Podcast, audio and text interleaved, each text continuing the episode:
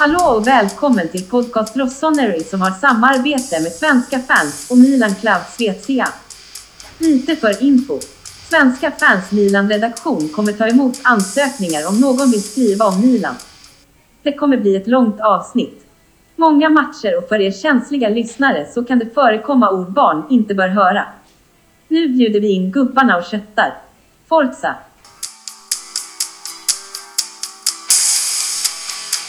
Eh, Mackan, välkommen. Tackar, tackar. Gurra, välkommen. Tackar, tackar. Du, det kan vara rörigt men jag, jag tänkte så här. Det är jävligt många matcher så vi kan dra vissa lite snabbare. Men att vi gör ett Serie A-segment och ett Champions League. Eh, Jag kan klumpa. Vi är jävligt dåliga. vi är riktigt dåliga. Det är som Kjär sa. Han visste inte varför det gick dåligt och Bobban hade också åsikter om det. Ja, vi har åsikter om det. Eh, ingen verkar egentligen veta varför. Kjär hade därför inget bra svar på det. Ja, många matcher så vi, jag tycker vi köttar igång direkt. Däremot innan så det har läckt en tröja. Som vanligt brukar vi ju eh, kommentera tröjor nu. Detta är inte officiellt. Men eh, åsikter på den här tröjan är svårt eh, för er som lyssnar att se detta i bild såklart. Men eh, någon får lägga ut en länk påminner mer och mer om eh, de här tröjorna som Inter och Juve har fuskat med. Streck som inte är streck. Det känns inte som Milan. Milan är svart och rödrandig. Det är inga ränder helt enkelt. Nej, det är något... Det är, ja, det är något kladd. Det är fortsatt på LSD-trippar som de andra lagen kör. Precis. Mackan åsikt. Denna tröjan som har läckt. Har den läckt eller enligt din länk så står det faktiskt att den officiella Puma, eh, Puma Store i New York har redan börjat sälja den. Man säger ingenting på Milans Ja, jag hemsida. Nej, det har inte kommit något på hemsidan. Nej. Det är ingen höjdare. Det är inget vi kommer köpa kanske. Ja, till min son. Han vill ha. Bara för att det sponsrar Milan. Ja. Och honom. Ja, såklart. Då är han glad. Ja, jag ger också en IG. Man kan, köpa den eh, i slutet av nästa säsong. När de vill sälja ut. Ja. De har bra rea nu på Milan Store. De har 40% på en del grejer. Ja. Det är ju inte jätteprisvärt eh, men 40% är ändå 40%. Köper du för över 180 euro så är det ju fri frakt Ja. och snabbt. Jag vet inte om jag sa det när jag Om jag köpte betalar min. 1800 spänn så får jag fri frakt. Ja men från Italien. Ja men är, är man, går man ihop man som ändå. jag sa när jag, jag och Mackan beställde ju. Jag fick ju min, vad fan var det, DHL typ dagen efter stort sett. Helt sinnessjukt. Nej men vi går vidare hoppar in till eh, Bologna. Såg ni? Vi har vunnit 7 av 20 matcher efter nyår. Ja, jag tänkte vi, får, kan, vi kan klumpa det också. Jag skrev eh, på Svenska fans idag och eh, Milan Kulusevski har också skrivit om det. eh, Just hur, hur dåliga vi har varit 2023. Men den här matchen, Bologna borta 1-1 slutade... Där, ta, vad tycker ni om... Vet du, Balotelli blev ju rätt kraftigt neddragen innan deras mål. Jag tycker det är en ganska klar frispark mot mm. Balotelli. Jag säger som jag brukar säga. En ens, enskild situation, absolut. Det kanske eventuellt är. Men det är inte där vi förlorar. Vi förlorar ju på att vi återigen gör en vansinnesrotering och, Ja. och spelar kast. Ja, oh, på, tal om, på tal om rotering. Vi har pratat om det. Jag har läst några sidor ur eh, italienska tränarhandboken Mm. som pratar just om rotation. Och eh, de är inne på det att om du ska rotera spelarna som kommer in ska ha minst två spelare ur den ordinarie startelvan angränsande sin position kvar på planen. Precis som vi pratade om förra gången. Ja, du, du sa just det. Och det är jäkligt intressant för just att till exempel byter du ut eh, Ska Giroud vila, då kanske Leao och eh, eller den bakom ska vara kvar. Då kan du byta högern så kanske du får en så du måste hela tiden lägga det här pusslet. Mm. Det är hälsosam rotation för att hålla spelarna igång och i matchform. Men att som göra här, vi byter ut 8-9 spelare. Ja, mot Bologna borta har vi definitivt Milan B. Man kan vara du bakom, återgår till uh, den här frisbacken Bal- Balotelli borde ha, kan jag tycka, som föregår innan målet Bologna gör. Ja, alltså det är klart att det är frispark. Ja, det här är, låter... Jag, jag håller med er båda. Det är givetvis inte det som egentligen är problemet. Men problemet är att de blir så avgörande de missarna för oss eftersom vi spelar så dåligt som vi gör. Där är en, jag tycker det är en, en klar straff också i den matchen mot uh, Rebic. Den är ju, tycker jag är solklar återigen. Jag vet inte varför det inte blir straff. Hon var inte vill eller domaren inte Återigen, tittar om på Om det. man ser det och tycker att han har koll på det så behöver han inte titta på det. Jo men Massa då. Jag, jag tycker återigen att varför? Alltså det är... Där borde att tvinga Massa. Alltså titta på det för Men att... han får inte, om han säger så här, jag har koll, ni behöver inte visa mig. Så får inte VAR gå in och säga något. Nej, VAR kan aldrig trumfa domaren. Nej jag, jag vet det och det, det är därför jag också pratar alltid om någon form av VAR-challenge. Att bara, nej, men du måste titta på det här. För jag, jag, det är ju uppenbar kontakt. Likt som frisparken Milan borde haft dessförinnan. För att jag menar... När man nu hoppar jag långt tillbaka, framåt i tiden men eh, när man ser på Champions League och, och man, hör, hör Rio Ferdinand prata Martinez, den straffen som inte blev av mot Inter. Eller för Milan då. Där menar på jag där är kontakt. Alltså där är ingen kontakt. Det är minimal kontakt. Han tycker, att det är liksom eh, straff, frispark. Jag menar återigen till Balotelli. Där är definitivt kontakt. Han drar ju faktiskt ner honom bakifrån. Och att VAR ändå bara blundar för det. Återigen helt avgörande. Jag förstår att Thiago Motta då, gamla Inter-spelaren, jublar såklart. För Bologna är ju en tuff nöt att knäcka. Och vi tappar ytterligare två poäng i toppstriden. Jag tycker, jag tycker återigen att VAR, det sköts för dåligt. Det är väl min stora poäng i det hela. Jag säger det. Den här front... Vi hade behövt en till tre förstärkningar i januari. Och det blir så tydligt. Det är så löjligt tydligt när vi tar säsongen tickar på. Alltså i den, matchen, den här matchen har vi ju bara Manjon som är från starten. Ja. Det, det här sa vi för flera avsnitt sedan att det är ingen hälsosam rotation. Vill du dra starten ibland Mackan? Manjon, Florenzi, Kalulu, Ciao, Baluzue, Brangs, Pobega, Sälemakers, Kettelere, Rebic, Origi. Möjligtvis Sälemakers som har varit och nosat på en A-lagsplats. Men i den här säsongen har han ju inte varit startspelare. Nej, och vi byter in uh, Messias, Diaz, Leao och Gabia. Calabria kommer också in. Fan återigen. Klumpar vi igen Origi de Ketelare. Alltså fan det, det är ju dåliga insatser på om vi klumpar dem. Ja, absolut. Det, det är det. Men det, jag tycker de inte får en, en, en fair chance i den här matchen. För det, hur ska de kunna avgöra en sån här match? Nej, nej, När nej. de inte är matchtränare och de kommer med en trupp, alltså, eller med en startelva som inte är, van vid att spela matcher. Han spelade på Vega-match sist. Mm. Nu gjorde han ju målet i den Snyggt. matchen. Bra Snyggt, skott. bra skott. Det är inte det. Men alltså, jag menar, när spelar han senast? Mm. Branks, när spelar han senast? Sen har vi faktiskt, alltså, det, det man ska ge vissa spelare, jag menar både Ketelare, Pobega, Tiao. Alltså det finns ju en vilja där i alla fall. Absolut. Men, men, men, men, inte är fel. men alltså, ser en sån som Origi. Han får chans på chans på chans. Men varje gång, det är svårt att han tappar bollen. Han, han jobbar inte. Det känns lojt. Det känns allting. Och frågan är, eller ja, med honom har vi ju sett det hela säsongen oavsett vem han spelar med, att han har den inställningen. Origi. Origi. Mm. De andra försöker ju i alla fall. Mm. Även om de inte är inspelade, de har ingen matchträning. Tyvärr Pioli, mycket av det här är ditt. Men det är inte hela. Han hade behövt två, tre.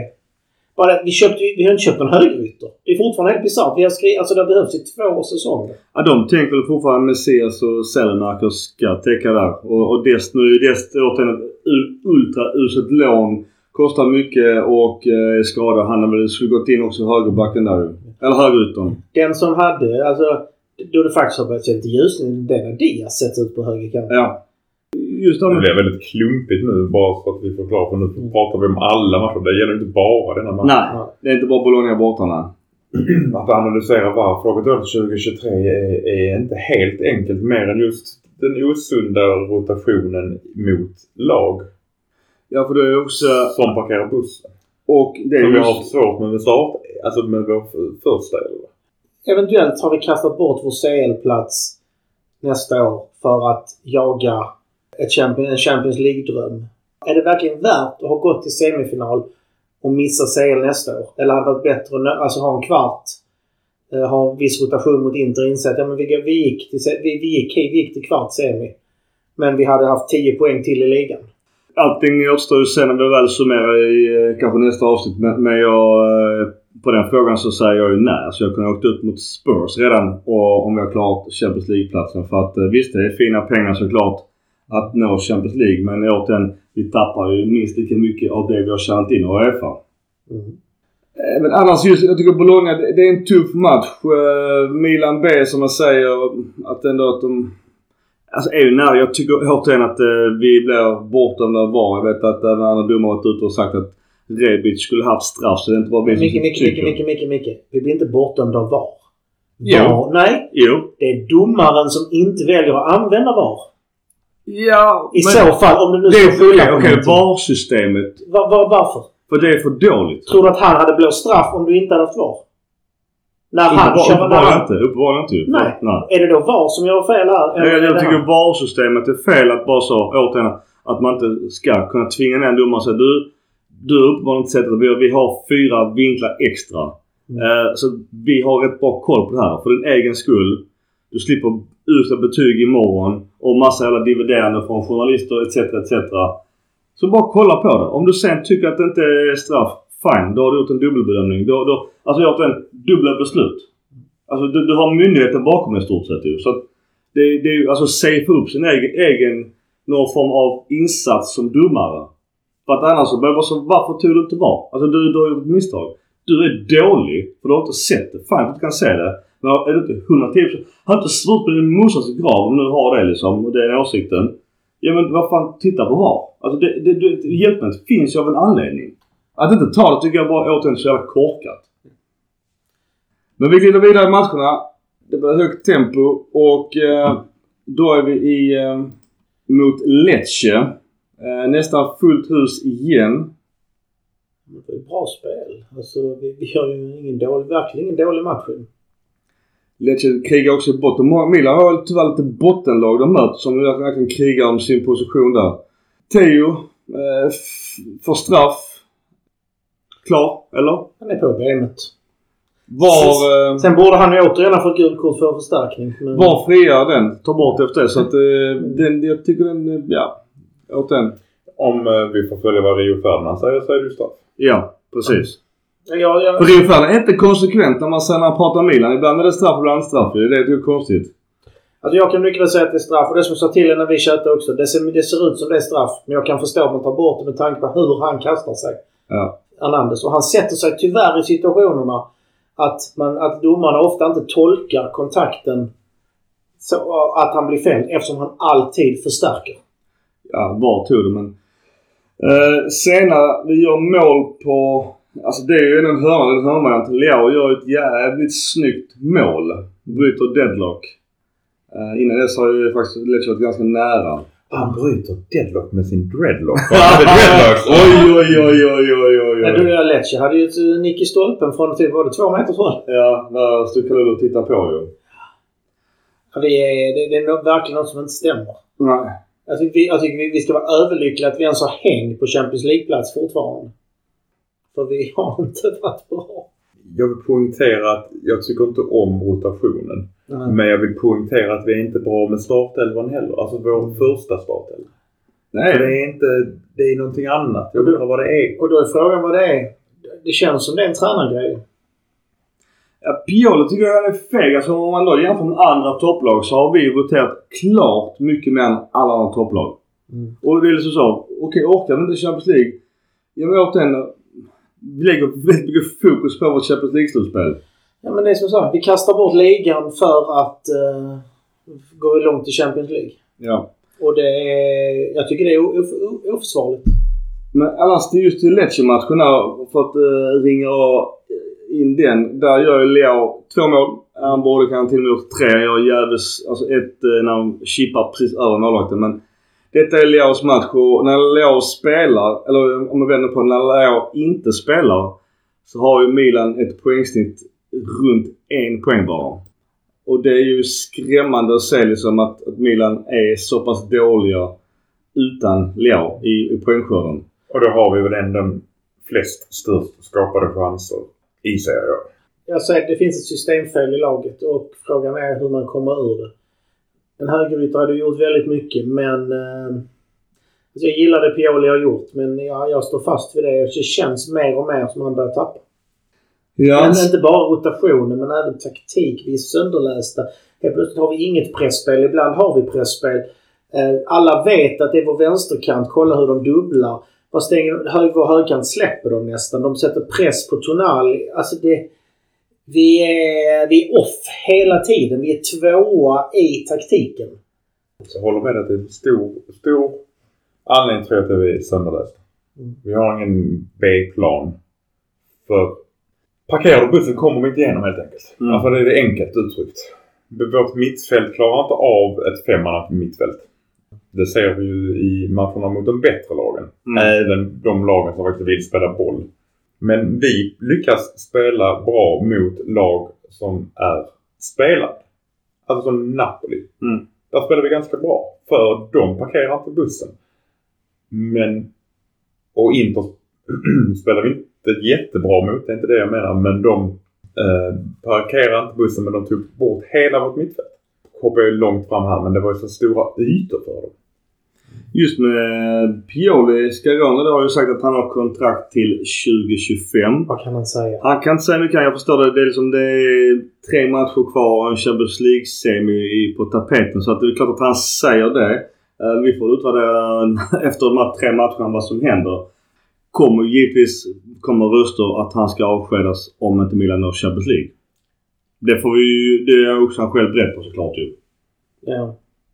Alltså som sagt, jag gillar det han har gjort men det är för mycket, det är för mycket som var tveksamt. Tyvärr. 72 614 på uh, San Siro återigen. eh, Det säga över 70 000. Eh, vi ska inte dra arena för det är lite nyheter men det är mest bara pysluft. Men återigen vi kan omöjligt ha en arena som är mindre än 70. Alltså vi måste ha 80 för annars som vi pratade om tidigare kommer det dyrt. Det är svårt att få biljetter. Men jag måste bara tillägga här i den diskussionen. Det är ju du och jag som tycker att vi vill ha råd att åka ner. Såklart! Men Milan som klubb tänker nog mer var tjänar vi mest på det? Ja, fullt hus. 80 000 och 70 000 varje match. Ja, de gör nog inte det. För har du 70 000 varje match på 70 000 arena kan du ta mer betalt. Efterfrågan, det är ju det ju. Så, alltså, Enkel jag, ekonomi. säger, jag, jag tycker inte om det, Mm. det men man, jag tror att man i ledningen tycker Men, det, men problemet är också, och det är det här som vissa engelska lag har gått bet på. Jag tror det var Aston Villa och gamla City. Lite så här. Att då har du, då är det för svårt för folk att yt, utomstående och få biljetter. Det innebär att intresset minskar. Du får inte nästa och nästa och nästa generation. Att bygga en mindre arena, det är som att kissa i sängen. Det är rätt skönt ett tag. Men på 10, 15, 20 år förlorar du på det. Jag håller med dig. Alltså jag säger inte att... Jag Mm. förstår bara att man tänker att 70 kanske räcker för att du kan då höja priserna lite så du tjänar ännu mer. Ja. Mm. Vi får Och se. 70 000 är ju ingen liten arena. Nej. Det kan man inte... Nej, det är det verkligen inte. Vad återgår till starten. då- Det är Mike Eller så, eller så bygger man en på 70 men man har Men möjlighet. möjlighet Har man sålt ut en fem år i rad så kan man bygga på. Man by- bygger redan nu så man kan bygga på en läktare, bygga på en nivå. Och sådär. Det, det är nu det smarta. Ja. Förlåt. Micke. Ja, det är lugnt. Jag är van med att bli avbruten. Kalulu, Tiao, Tomo, Hernandez, Krunch, Tonali. Ja, så du är också gift? ja, precis. eh, Krunch, Tonali, Messias, Diaz, Leao och Rebic. Rebic får ju chansen igen. Eh, uff, eh, om vi klumpar Rebic, eh, är han kvar efter eh, denna säsongen tror jag? Nej, han, fan, han, han används ju inte där han är bra. Ja, där är Alltså, ju han, han, ja, men alltså, jo men det är det. När Leao, och även när Leao inte spelar så har vi inte Rebic på vänsteryttern i den pressrollen han ska ha. Ja. Så att jag förstår om Rebic också vill lämna efter säsongen. För han har ingen... Han, nu när han väl varit frisk så har han inte ens fått möjligheten på den positionen han är bra i. Vi ska inte ta så mycket rykte men det är ju lite snack om uh, Wolfsburg och Wolfsburg har äger ju Brank så att det är ju ett snack om bara swap deal. Mm. Och det är väl eh, okej för oss. Nej, så jag gillar Branks. Jag tror att eh, det kan det bli någonting. Men jag har nog sett han eh, detta året i eh, till exempel Lecce. På deras mittfält. Vi går vidare.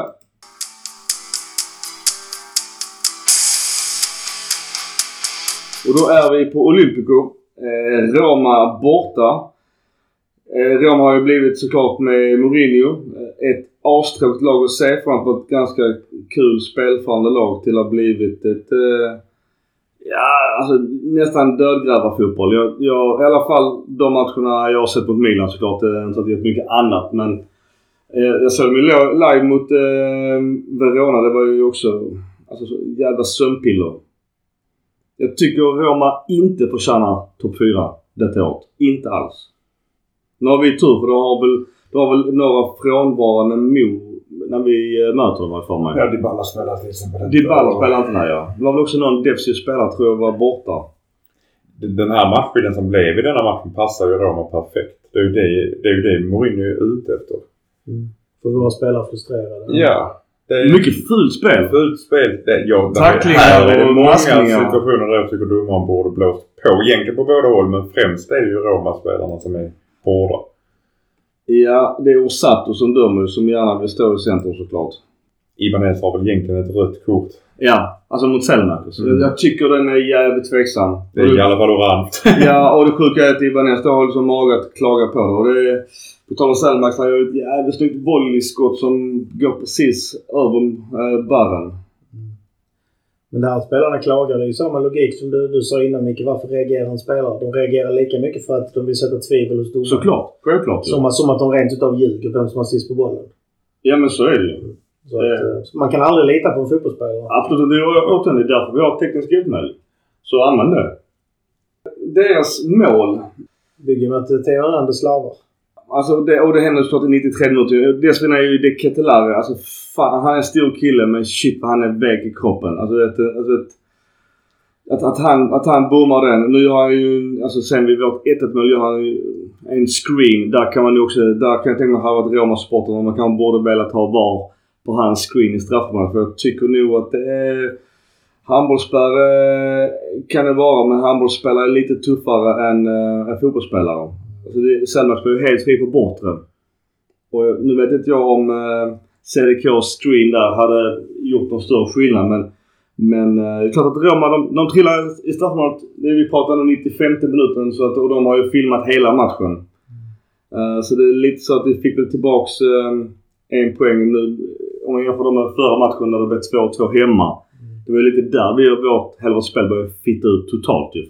Innan den matchen och de 85 minuterna spelar ju Milan som eh, en det var riktig fyra poäng. Det ligavinnare. var vi fyra poäng från Napoli. Så De här matcherna mot Roma, både den förra och denna, det är ju... Det är sorgebarn på något sätt. Och Roma har ju återigen en spelare som vi borde norpat i somras, Belotti. Och han är ju och Bosman i sommaren igen. Ska han berätta? Jag tror det. Men han var ju han utbytt i halvlek. Han var ju skadad men han gör ju ingenting. Han gör ju inte en poäng tror jag. Jag tror inte han trivs. Jag får lite den känslan när jag ser honom. ja, jag är fortfarande tveksam.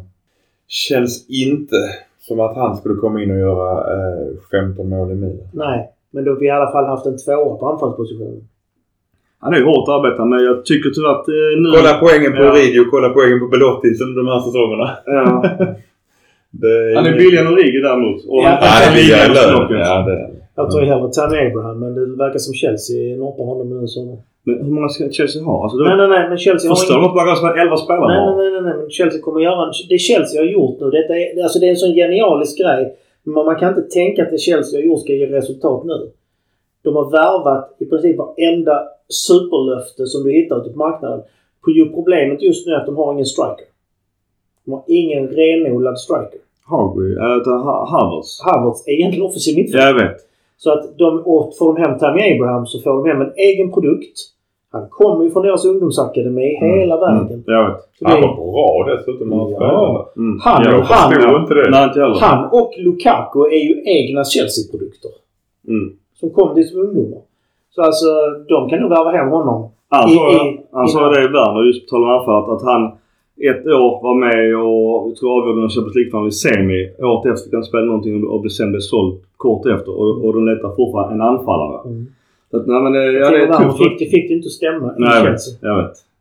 Men Roma-matchen, eh, Mackan, har du några åsikter om denna matchen när vi krigar till oss 1-1 i en jävligt tråkig, ful match? Ja, men som sagt var, jag tror att, jag tror att Roma tjänar betydligt mer på matchtempot och det hackiga matchtempot.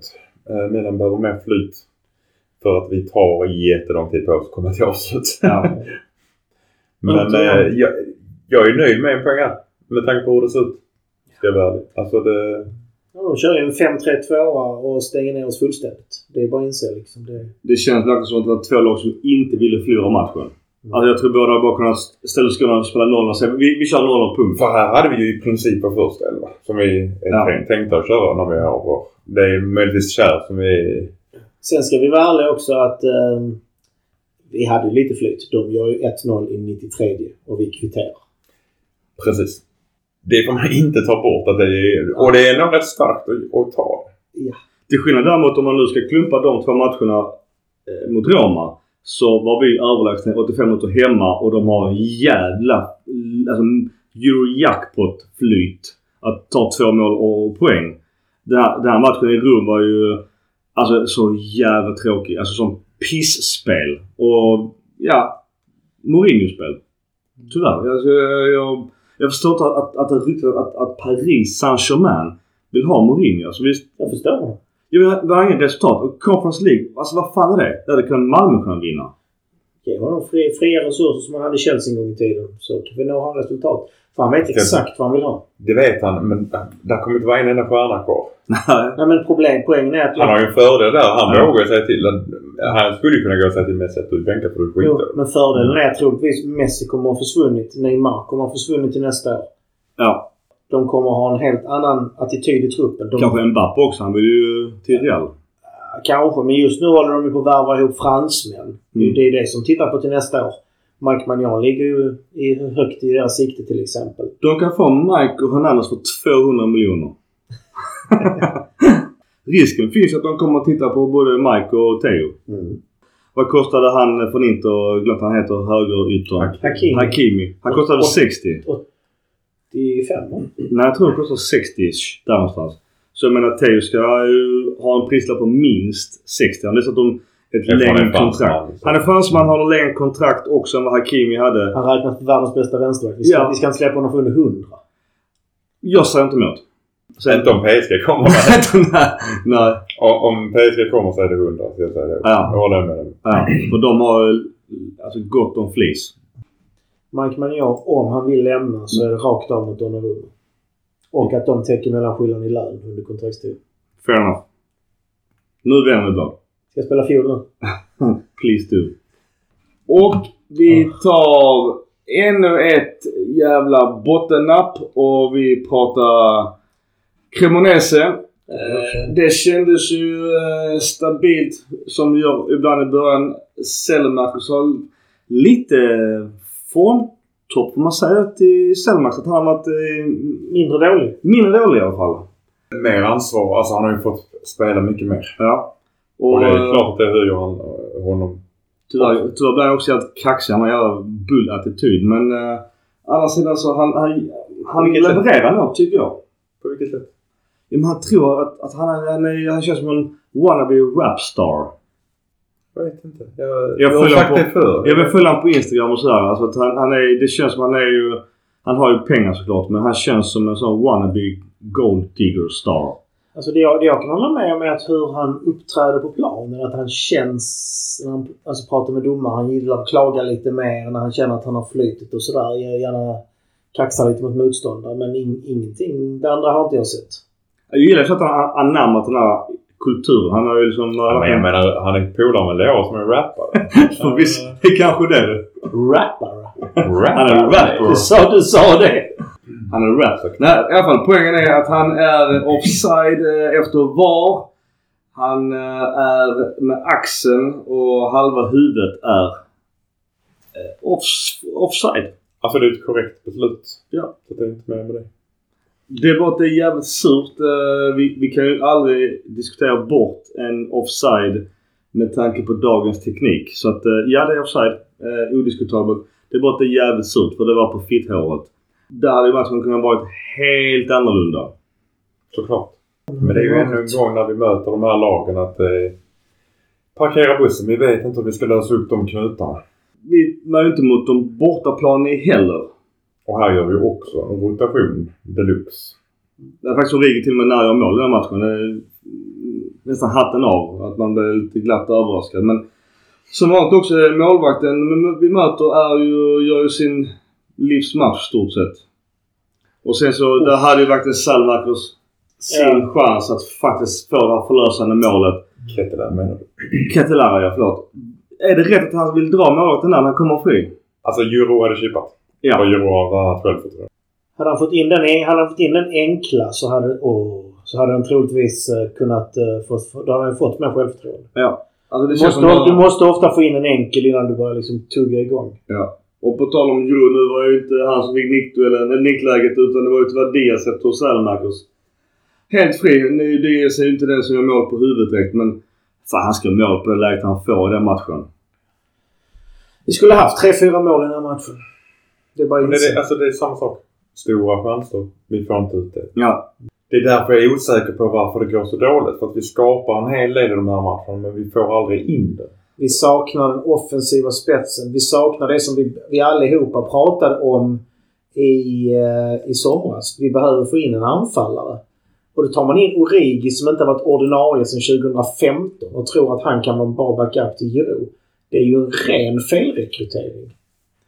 Vi skulle ju varit i hugg på en sån som Skamacka eller någon annan på den. Alltså etablerad anfallare som kan peta in bollar. Absolut, men vi hade nog behövt ha någon som var kontaktlös. Mm. Det är där det handlar om. Någon som kan A. 30, 35, 40 miljoner. Ja. Där vi hade inte de pengarna mer än till en spelare. Vi valde så här Ja. i efterhand fel Ja. att lägga de pengarna på. Ja. Du kan fråga mig om fyra år då kanske jag tycker att det var rätt. Mm. Det, det är svårt att säga idag om, om hur det ser ut då. Men i dagsläget har vi ju lagt de pengarna på fel spelare. Vi måste diskutera deras mål. Det, det känns ju som... eh, Clusterfucket. Ja, alltså fan. Det är ju... Alltså Tiao som ändå eh, är ju... Ja, han är ju ganska bra. Kalulus säsong än så länge är ju tyvärr IG eh, i min bok. Eh, jag är jättebesviken på honom. Jag hade stora förhoppningar på den här säsongen att han skulle ta stora steg. Men i det här, det, det blir en omställning och vi trycker på. Eh, Kalulu och Tiao möter Okereke. Krockar. Han har megaflytt och får med sig bollen och ja, med Mike. Ja, men här, här, jo, men här ser vi den tydliga att de inte är vana att spela tillsammans. Och det här har vi bristen att de inte har fått chansen att gå ihop. Att en, det ska ju vara en som stöter, en som tar yta. Pre, är man två mot en i fotboll så är det press och understöd som gäller. Ja, det är grundläggande. Det är Ja, ja, ja. Ja. Och, och här har vi... Det kör Här, din son i fotboll, Mike. och här har vi ju två som kör press. Och att de då springer ihop och det blir missar. Det, jag är inte ens förvånad. Ja. De gör ju... Alltså det De är får köra mer rondo. Fler rondoövningar. Ja. Det, det, men detta är skolboksexempel med, på två backar som inte är vana vid att spela tillsammans. Bägge två går på boll. Kan det vara språket? Nej. Nej. Det här Ja, men är... det, det är grundläggande. Alltså det Jag tror de är inte är... vana. Det, jag tror de är inne på... De är, för det första är de unga. Ja. Två är unga. Och de är inte vana att De är spela 21-22. Jag tror knappt de har spelat ihop på träning. Precis. Ja. Du, du, troligtvis så låter du dem spela med en äldre, mer erfaren. Ja. Jag tror också risken att båda två är så jävla snabba att de gärna står högt och tänker att vi tar duellen. Men de krockar ihop. Det är det som är... Ja, det är lite clownigt. Eh, vi kvitterar. Eh, vet inte om det är just om det är Radde som får målet eh, efter en frisparksvariant. Eh, kort också efteråt så eh, blev det var rött på deras spelare i form av Charles Pickel. Han armbågade Tonali rätt så fult. Vi är ju faktiskt ändå nära att göra ett 2-1 mål. Det är Rade Krunic som, eh, jag har för mig att, att vi höjde honom i förra avsnittet. Jag måste tyvärr klumpa honom i detta och eh, sänka honom. Jag tycker han har varit dålig. Tyvärr. Även om han är nära. Jag Cremonese, sista mål, målet där, sista sparken, en superräddning av... Eh, Men det är det här som Mackan också är inne på. Vi, vi spelar egentligen inte dåligt. Men det blir, det blir ingenting av det.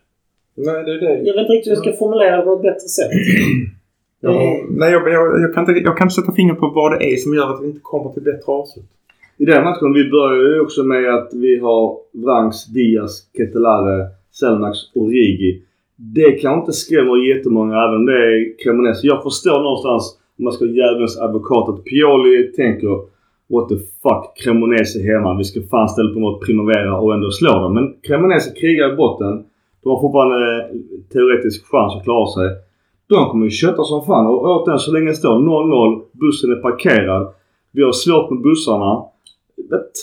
Det, är, det är för dåligt. Men alltså poängen är det att jag tror tanken är som det som att Serie A är som det var för 20 år sedan. Då det fanns fyra lag, fem lag som slog alla de andra. Det var autovinster. Men med tanke på TV-pengar, rekrytering, ökad kunskap med mera, med mera, med mera så finns det inga autosegrar idag. Du måste förtjäna dina poäng. Eh, och vi ser ju det i de här matcherna. Vi, vi, vi, vi ställer upp med ett, nästan i princip ett B-lag och tror att vi ska bara lalla hem det. Det funkar inte så längre i modern fotboll. Vi är sönderscoutade. Lag som då inte har kanske råd att köpa in de här A från A-hyllan. Nej, de köper från B och C-hyllan. Sen scoutar de sönder och anpassar taktiken exakt mot vad de måste göra. Och kan man då inte låsa upp det genom att vara en bättre taktiker eller att spelarna gör individuella prestationer, vilket man inte heller ska börja förlita sig på, då är man körd. Det är Och det är där vi sitter. säger att eh, alla vill ju också slå ligamästaren och eh, det gör Då klart de går in all in. Alltså så- återigen så länge det står 0-0 så är ju, de krigar ju om järnet. Man kan vara säga Cremonese Det är två förlorade poäng. Det är mycket bättre än egentligen fyra. Om man ser på båda matcherna mot Ja, Cremonese ja, är det fyra just denna här tappade är det poäng. två förlorade poäng som eh, vi, vi är bättre än dem. Jag tycker det är omständigt i vårt anfallsspel. Det är väldigt mycket på kanterna. Man kanske ska börja överbelasta mitten. För de gånger vi använder Tonali till att gå upp lite likt den rollen Kessie hade många gånger i fjol. Mm. Då händer lite grejer i alla fall. Mm.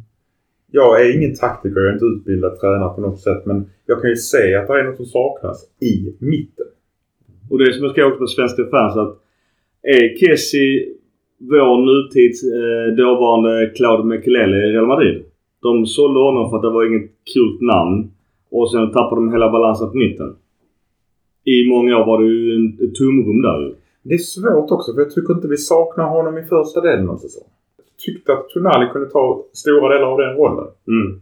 Och så hade han någon, vi hade relativt bra backar som kunde backa upp om han inte riktigt orkade det som Kessie orkade på hemjobbet.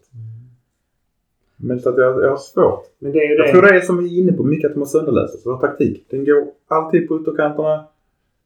Vad gör du då? Du stänger ytorna där. Men Pioli bytte taktik ju. Det hjälpte ju inte heller. Det var ju samma taktik fast med annan spelarpositionering. Ja, det blev ja, samma taktik fast du hade ännu mindre folk i anfallet. Ja. Om vi ska. Vad ska han göra? Bli bättre taktiker. Hur ska vi spela? Alltså uppställningen är inget fel på men det är hur vi använder uppställningen som är fel på. Vi måste ha andra, andra alternativ. Som att, som att vi har en ytterback som överlappar både på insidan och yttersidan. Det är enda som gör det är Hernandez men inte alltid. Vi måste ha ett centralt mittfält som både vågar pressa upp högre, stänga ytor snabbare. Kessis eh, varumärke att vinna bollen högt, stänga ytor. Vi behöver anfallare som rör sig, skapar ytor och kan vara en fara i straffområdet. Vi behöver mittbackar som kan våga slå de långa passningarna. Vi måste ha spelare på mittfältet som har hjärnan att se hur motståndarna positionerar sig och, och kunna utnyttja ytorna som skapas. För det finns ytor. Men just nu har vi inte smartnessen att hitta de ytorna. Är det att vi är för låg... Alltså Tonali är på väg dit. Men just nu känns det som att vi är för låsta i en, ett spelsystem som motståndaren redan löst sönder. Hur stor frihet har Tonali Benazer att slå långa skär, genomskärare till exempel? Jag har knappt sett en enda sån genomskärare som Tonali slog för. Den här långa som viker in bakom backlinjen. När såg vi en sån senast? Någonting är ruttet på, alltså, i hur, hur vi lägger upp vår taktik. Hur vi använder den. Om jag skulle gjort en... Eh, en jag håller med det du säger för det första. Men skulle jag peka på en sak och jag har sagt det många gånger förr. Vår AMC-roll, där det någonting stämmer inte. Det spelar... Jag vet inte fan om det spelar roll om vi hade haft eller mindre Messi på den jävla positionen. Någonting stämmer inte där. Jag... eh, Alltså det är... Alltså Diaz. Det känns som vi, vi höjer honom varannat eh, ett avsnitt. Alltså. Ja, varannat avsnitt här. Och nu återigen har jag- han dippat mycket. Visst, nu var han nära just mot detta jävla Cremonese att göra ett nickmål. Men det... Fan alltså det är för mycket futsal. Han, han, han blir för lätt bortskrinad.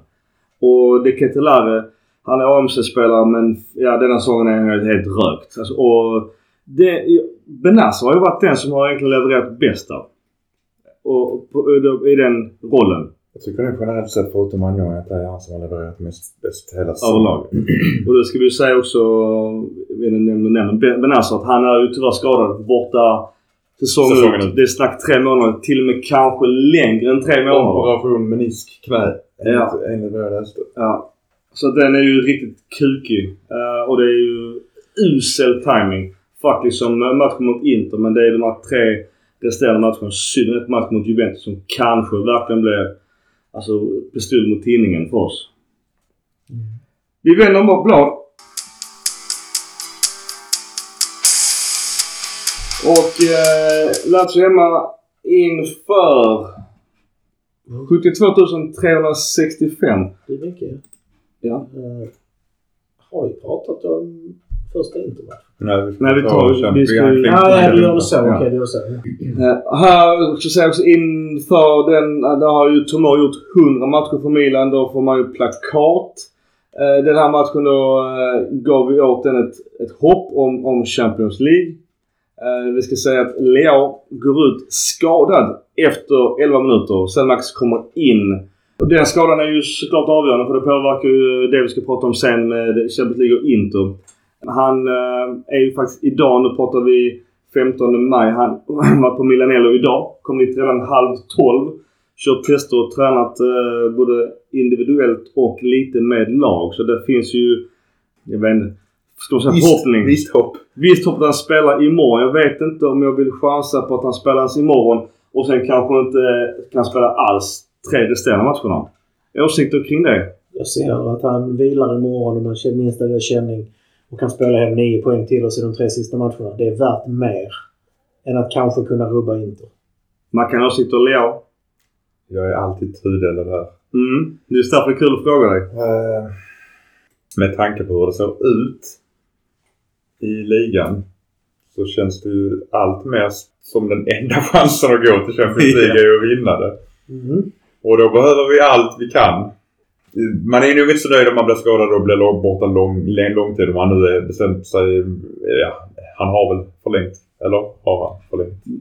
Ja, Fabrizio Romano säger att han har förlängt. jävligt snyggt. Han är nära på att också göra mål i eh, den sekvensen. Jag vet inte, var, var, det, var det ljumsken han sen tog, tog sig åt? Ja, det är den som har bråkat. Men annars, jag tycker, den matchen visar faktiskt Milan, även en dagsmatch som Milan brukar hata annars. Så tycker jag Milan visar, i alla fall för en gångs skull, inställning. Men här möter, vad möter du här? Ja, ett spelande Ett lag. Ja. Eh, och de, de fibblar faktiskt åt den till det spelarna. De, de gör ju bort sig själva i vårt första mål. Där de vill ju gärna spela kort. Alltså det är ju... Vet du, Sarri, tränaren, vill ju jättegärna spela såklart allting med bollen. Men alltså, det är lite väl optimistiskt ju. Ja, men det, men det är så vackert. Och vi får, här, återigen, vi får, här ser man hur smart Giroud är. Han sätter in pressen och tvingar Lazio-spelaren att slå en snabbare passning än vad de har räknat med. Den fångar Benazer upp. Mm. Slår tillbaka den till Giroud som bara skarvar och han drar in den. Han är, han är så bra i den rollen, Giroud. Alltså, Många kan, anfallare kan titta och lära sig hur han, hur han jobbar, hur han rör sig, hur han styr, hur han springer. Hernandez gör ju ett drömmål sen också. Men den tar, frågan är om han gått in om han inte hade tagit på backen. Ja, det är bara en liten reflection där. Men frågan är om nu Paris Saint-Germain såg detta målet när han kör coast to coast igen.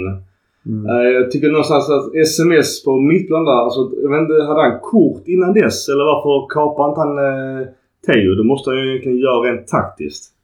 Kan vara så att om man får ett kort den avstängd nästa. För att eh, jag tycker det är jävligt vägt av sms att, att låta han gå. Sen så återigen att alltså, Teo är ju, alltså det är underbart vackert. Det är vackert men det är dåligt försvarsspel. Det är mycket dåligt försvarsspel. Alltså, jag spelar betyg i den matchen. Ja, på Svenska fans. Mm. Ja. Nickmål är vi ju nära jag på hörna för en gång skull. Det gör vi ju inte. Tiao är ju nära, men jag vet inte. Fel spelare som får chansen. Ja, Eller? fast sen är det nog, ja, fast vi, vi får ju ta det när vi summerar hur många nickmål vi har gjort på, på hörna. Jag trodde vi skulle ha 10. Jag har ju redan fel där ju. Vi kan ju ta upp vi kan ta upp detta som en cliffhanger. Varför är vi så dåliga på alla fasta situationer? Ja. Till och med straffar är vi dåliga Ja, ja. Alltså det är helt otroligt. Och då borta blir både defensivt och offensivt. Ja. Kanske är så enkelt att Zlatan inte är med. Det Han tog ju mycket defensivt eh, jobb på eh, alla fasta situationer på hörnor och fasta För frisparkar. det ska vi inte sticka under stol med. En frisk Zlatan hade ju gett ett enormt lyft. Vi pratar om de mjuka värdena. Men bara hans närvaro på plan ger ju ytor till andra. Ja. Och det är allt du letar efter i, eh, på, en plan. Det är ytor för att kunna göra någonting. Du var lite inne på innan Mackan, eh, just det här med skapade stora chanser. Då tar vi inte alltså expected goals, så det hittar på, utan då har vi stora skapade chanser. Vad har vi där på topp tre Mackan? Om börjar från botten. Eller från botten. Napoli 64, Inter 65, Milan 73. Så att vi skapar rätt mycket mer än vad vi levererar. Det är ju det som är det jobbiga. Ineffektiviteten. Hur ofta pratar vi inte om den? Och En den match är efter match efter match. Ja, Nästan faktiskt. till och med i matcher där vi vinner med 4-0 pratar vi om. Det Ja. är det som är... Det saknas det här spetsen. Uppe. Och jag tror så jag fast mycket handlar om AMC och AMR. Att de positionerna inte är färdiga för oss. Vi har vänsterytter, vi har anfallare. Men de två, vi har halva vårt anfall saknar stinget offensivt. Ja, alltså som sagt vi, vi blir jäkligt lättläst. Allting ska gå via vänsterkant. Och återigen som vi pratade innan här, när då Leo inte är med har vi ju ett poängsnitt som är skrämmande lågt. Kontra när han är med. Och sen vi vet ju också det att ehm, den kanten är ju, alltså vi har ju sett även statistik i Champions League att, att de ligger ju på, på topplaceringar. Så att de, de är ju så pass bra och, och, det, och det innebär också att motståndets högerkant får de nästan dubbla. Så återigen, nu blir det ju balansen åt den till höger men hade man haft lite mer kvalitet åt den på höger så hade vi ju levererat. Och på tal om just det här varför vi har gått som det går. Jag skrev också det på Svenska fans att eh, vi har en ägare som snålade. Alltså vårt vinterfönster är ju katastrof. Ja, vi har jag pratat detta om varenda gång vi pratar om att vi har snåla ägare. Att eh, det handlade ju rätt stor del om att vi skulle klara Financial Fair Play. Ja. Jo, men nu, nu tittar vi. En investering. Nu, nu- kommer vi ju tappa 50 miljoner inkomster. Eventuellt. Ja. Hade det inte då varit värt att lägga ut 25 för att... Inte om det, och inte om det automatiskt hade blivit att du ändå inte får spela Champions League på grund av att du inte får eh, Financial Fair. Men tror du Uefa gör det? Ja, det är märkligt att vi är det enda lag i hela världen som verkar behöva följa det. Det funderar jag på varje gång du säger det. Det är det inte. Det är bara det att de andra har lite mer kreativ eh, eh, ekonomisk... Ja. Hur fan ska Inter lösa detta? Du, alltså, du läste att de var tvungna att sälja spelare för minst 50 miljoner euro. Så var det. Men Milan gick minus fram till vi gick till semifinal. Nu kan vi i- troligtvis göra plus. På grund av att vi gick vidare. Men vi, vi, Jag säger inte att det eh, tar bort alla pengar vi förlorar eller att det kompenserar för det vi kommer att förlora på att inte spela Champions League nästa år. Det är inte det jag menar. Men om Inter skulle gå och vinna Champions League då är det inte säkert att de behöver sälja något. De har ny tröjsponsor nu. vi hade förlorat mindre pengar. Alltså säg att vi åker ut nu. Men vi hade köpt, men vi hade köpt, vi hade köpt en spelare som hade gjort att vi hade klarat CL i ligan. Även om han hade kostat 25-30 så är det mindre pengar än vad vi förlorar nu på att inte komma till Champions League. Ja, men fortfarande kan du bli bestraffad av- Uefa för att du inte har spelat Financial Fair Play. Men kommer vi... Ja. Jag försvarar, detta är sjukt. Jag tycker egentligen inte om att man ska behöva prata om pengar när man pratar om fotboll. Tyvärr hör det ihop. Men idag är det så tätt förknippat. Jag tror jag, jag ska inte säga att vi inte hade fått spela Champions League för det är svårt att veta. Men vi hade inte följt Financial Fair Play. Vi har redan fått eh, böter för att vi inte har följt Financial Fair Play. Det var sig bara om 2 miljoner euro. Då kanske ska hitta en kreativ eh, avdelning som hanterar det här. Om, om andra kan handla och ligga på gränsen hela tiden.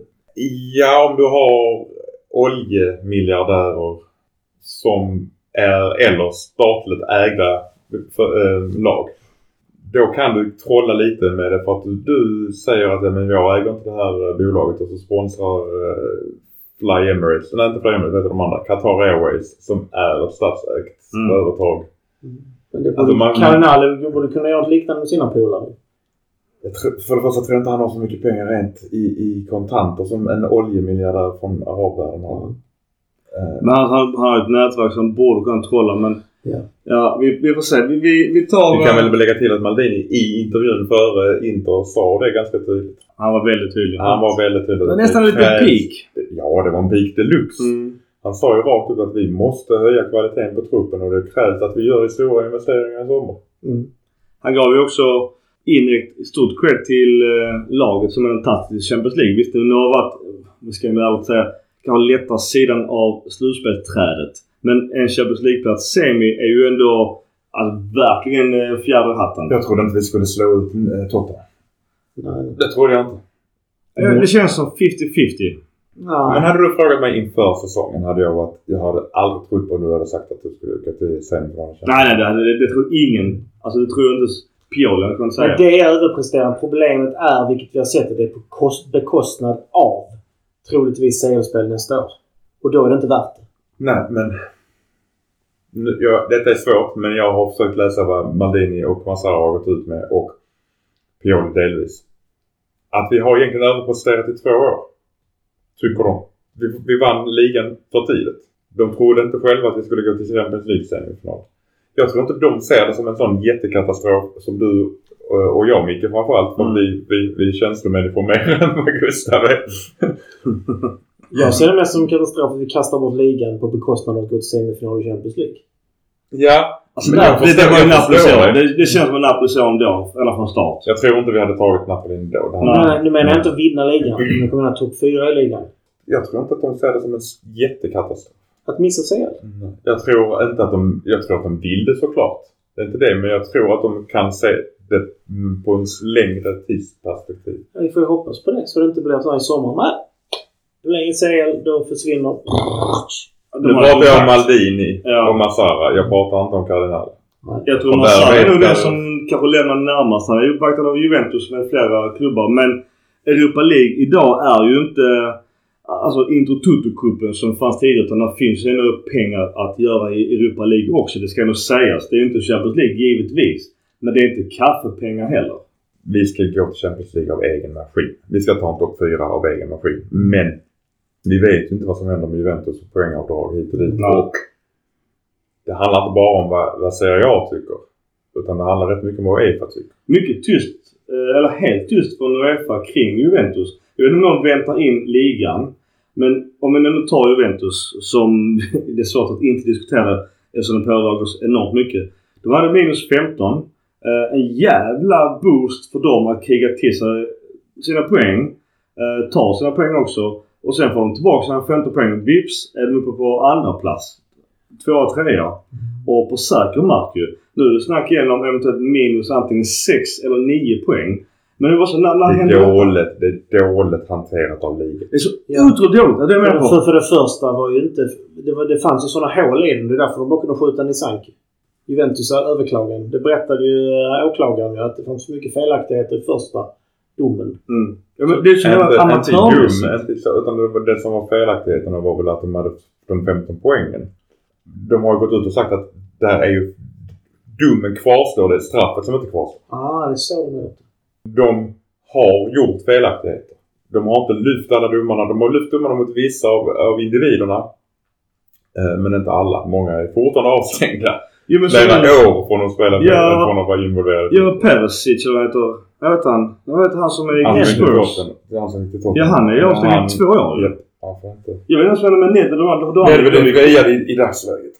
Går de tillbaka till Juventus ledning nu då? För de gick av, de avgick ju dagen inte- efter. Jag vet inte om han Men sen är, det så, sen är det som lite du är inne på. Vad kommer Uefa göra? För att nu, de har ju funnits skyldiga till eh, upptrissor och priser på spelare och allting. Och det inkluderar mer än bara Italien. Det innebär att de har gjort felaktigheter. Ska de driva sin financial fair play så har de inte följt den. Då borde de avstänga från Europaspel. Det finns många faktorer i det här. Precis. Men det som är, det som är felaktigt hanterat av ligan är ju att ett lag som Milan då, som har haft lite trubbel på senare tid, de har inte sett dem som en motstånd. Nej. Det var ett Helt med, hade vi hade kanske inte gjort sådana rotationer Ja. på grund av... Ja. Det är så jävla dåligt skött. Alltså det är så amatörmässigt. Och bara så. Ta bort poäng mitt i ligan. Ja okej fine. Då får de ju kvarstå. Annars får man ju lösa allting efter ligan. Det ska ju vara när ligan startar eller efter. Ja. Du kan inte göra det mitt under. Han håller på att hatta med detta. Är 15, ni är 6, 9 poäng. Alltså vad fan gäller Eller så. Ska, ska man spela Champions League överhuvudtaget? Ska Uefa säga det? Alltså, gör vad fan ni vill. Ni får inte spela Champions League nu för att ni, ni bryter mot lagen och ni är jävla fittor för det första. Liksom. Re- Rent krasst, rent krasst. Detta är andra gången, tredje gången, fjärde gången de blir dömda. Varför flyttas de inte ner igen? De borde, det här borde ju varit serie C denna gången. Jag tror, man kan prata om Uefa så tror jag nog inte att de vågar gå clinch med Juve. På tal om Super League och allt det där pisset vi Ännu pratar om. större anledning att gå clinch med dem. De är ju för Ja men vågar de det? Alltså, Skulle de inte våga det? Ja men det, vet, det, det kanske blir vågor på havet de inte vill ta Uefa. För det, de har sagt massa skit på Uefa också. Inte ju. Du, de, du jag lovar, de har sagt en massa skit. Bara så du, om ni rödknallar oss så kommer vi göra det på er också.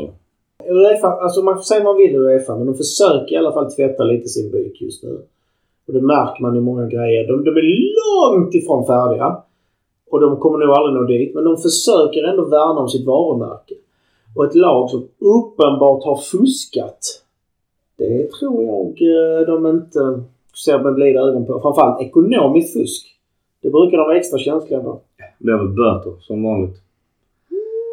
Ja, vi avrundar matchen med Lazio hemma 2-0 inför då de här 72 365. Det är väl mer eller mindre fullt hus på San Siro. Åsikter bara spontant? Men detta, detta är något där vi är bra på grund av att vi spelar mot ett spelande lag. De stänger inte ner. I och med att de inte stänger ner så blir det inte så stor... Vi anfaller inte med hela laget och då blir det inte så stora ytor vid deras kontringar heller. Mm. Vi behöver inte det. Lika bra som de var i Rom, lika dåliga var de i Milano. Det, Så kan man nog konstatera. Romagnoli var ju bland de sämsta på plan och Immobile blev utbytt med bottenbetyg. Så att... eh, ja men cred också till Milan såklart som ändå stänger. Där, där känns det som, som att alltså, kär var på gång men... eh, ja. Det är en eh, Serie A-match till innan vi går över på Champions League-delen. Det är Spezia borta. Ja, alltså superstön inför hela 11 336. Doveri dömer 2-0 till Spezia. Den, den största behållningen av den här matchen var de fina vyerna runt om arenan. Jättefina det. är jättefina. Jag ser mest parkeringsplats men jag kan... Nej, det var berg och fint. Ja, ja, ja. Mm. Sen så håller jag inte med, vad heter han, Astrid i studion. Den sågningen som Pobega fick höll jag faktiskt... Jag tyckte han var pigg. Tyckte han levererade bra. Det var ju att han missade vid något uppspel där han Ja. tittade fel håll. Jag tror också att det var ganska hård för Pobega var ju inte sämst i Milan. Det, det tycker absolut inte jag heller. Jag tyckte han, han vann mycket mark, han tog löpningar, han hittade passningar. Han var ett hot uppe och nere. Jag vet inte riktigt vilken roll de förväntar sig att han ska ha. Han är ju den här box-to-box mittfältaren som ska springa fram och tillbaka. Jag vet inte om de har koll på Pobega. Alltså jag tror det att de inte vet vad han har för roll. För Pobega, jag har sagt det förr. Han är en bra spelare i sin lilla fyrkant han ska spela i. Alltså han ska inte göra mer än så. Men återigen ineffektiviteten. Vi har två bollar i virket så det är ju återigen lite bittert. Rebi startar på anfallet. Origi till vänster. Det är ju återigen bottenbetyg på de två. Tyvärr. Direkt dåliga, kan man säga det? Spelar Origi? Ja, det gjorde han. ja. Han är vår nya svarta hål på plan. Ja, han spelade faktiskt till och med hela matchen. Vilket är ganska sjukt. Det står ju faktiskt 0-0 och i 65 minuten byter Piolo ut eh, Alexis Selmakers och Theo Hernandez. Eh, sen även då eh, byter ut Diaz och Rebic. Adli får komma in, vilket är ju lite kul för honom ju. Men de här bytena, återigen till rotation och byte, det faller ju riktigt illa ut för att eh, Visst är det återigen hela megaflyt. Spets har väl väl en hörna och, och studsar till han polacken som... Ja, uttalar hans namn är inte det lättaste. Men... men var eh, inte polsk bakgrund. jo, jag har min mamma är polska så hon lär väl skämmas nu men... Wisniewski. Ja, precis. Uh, ja, alltså det... Jag vet inte, beror det på våra byten eller är det bara, bara pissigt dåligt? Otur? De stängde där de skulle. Det går tillbaka till det jag sa igen innan. Vi utnyttjar inte de möjligheter vi har med de spelarna vi har. Och det lyser igenom. Och- gör man inte... Vi kunde haft tre... Vi borde haft tre mål i 60 och sen att vi släppte in ett där. Det borde vi klarat av. Ligan är, är det- sorglig. Ja, men det är samma sak. När möter vi ett lag som slåss för överlevnad i ligan. Och vi har, det har vi alltid så. Ja. De är så jävla motiverade mot oss alltid. Men jag tycker det, jag på tal om att överleva ligan. Jag gärna att de åker ur. För att jag menar 2021 då vann vi en match. Vi förlorade en mot, mot dem. Och denna säsongen har vi... Ja, vi vann en och förlorade en. Alltså vi, vi, alltså vi har tre poäng mot de här lagen. Vi ska ha sex. Så att jag ser gärna att spetsen åker ur. Nu kommer det något annat lag som tar de där poängen för Ja. oss. Ja. På tal om eh, annat lag. Vi ska ju gratulera Frisenonen eh, och Genoa. Eh, Genoa är ju tränars av vår gamla Alberto Gilardino. Eh, och tyvärr åker Genoa upp till Serie A. Så det innebär att min bucketlista säger Genoa Derby. Eh, Flyttas ett år till. ja, kanske. Minst. Kanske. Och det sjuka är att eh, Benevento, jag de var... De och Spal var väl i Serie A så sent som i förfjol. De åker ner i Serie C. Där ser du skillnaden mellan eh, lag i Premier League och Serie A. Där du fortfarande får del av inkomsterna från TV-rättigheterna om du blir nedflyttad. I Serie A får du inte det. Då kan du inte behålla dina bästa spelare. Ett av dem har... Spall hade chans att ta en kvalplats tror jag det ser ut. Ja. Eh, mellan Spezia, Leonardo Simplico. Alltså vi känns ju sönderlästa. Jag ska säga att de har faktiskt också en boll i virket. Eh, Amian. Men det här är ju, det här handlar delvis om vår rotation men det handlar också om att vi är troligtvis ganska trötta efter Champions League-matchen, de som spelar den. Och vi kan inte motivera oss. Det, det här går ju på Pioli. Ja. Det här ska han ju motivera dem. Han, han tyckte att vi spelade bra i första. Ja, vi, vi hade väl en okej men vi gör ju inte någonting av våra chanser. Ah, nej, alltså visst vi har två virket men det känns ändå som vi var jävligt ofarliga. Och sen så visst eh, Espositos frispark i slutet. Ja det är bara hatten av. Det är ju inte ens Mike kan ta den. Det är en fantastisk frispark. Men jag funderar på om Ridjo röker på för mycket. Gör vi drogtester på honom? Han, han har ju ögonlocken på halv stång. Ja, jag vet. Jag vet inte om han vill bort från Milano redan nu. Om man känner att det här blir helt fel. Det är bara att släppa honom om man vill utan alltså vi, vi ska egentligen tvinga honom därifrån. Ja. Ja, vi lämnar eh, den här matchen och just nu eh, efter Spezia så ligger vi faktiskt utanför Champions League. Och då hade vi ändå lite tur med resultat i andra matcher den här helgen. Verkligen. Roma tappar poäng. Lazio tappar tappar poäng. poäng. Atalanta tappar poäng. Och ändå går de ifrån oss i ligan eftersom vi förlorar. Ja. Precis. Jag var glad efter om oavgjort. Jag tyckte yes! Nu så! Vi ska bara säga också på tal om ligan att där är ju tre matcher kvar. Vi har Sampdoria här. Eh, De är ju redan dead last. Så, så att de har ju i alla fall ingenting att spela för. Sen är det ju ändå Juventus-Milan. Mycket usch på den. Och sen har vi då 4 juni har vi Verona hemma. Och i värsta fall har Verona kniven på sin strupe för att klara sig kvar i Serie A. Så att det är ju um, jävligt svettigt för Milan. Som vanligt känns det som. Men vi går över till eh, Champions League.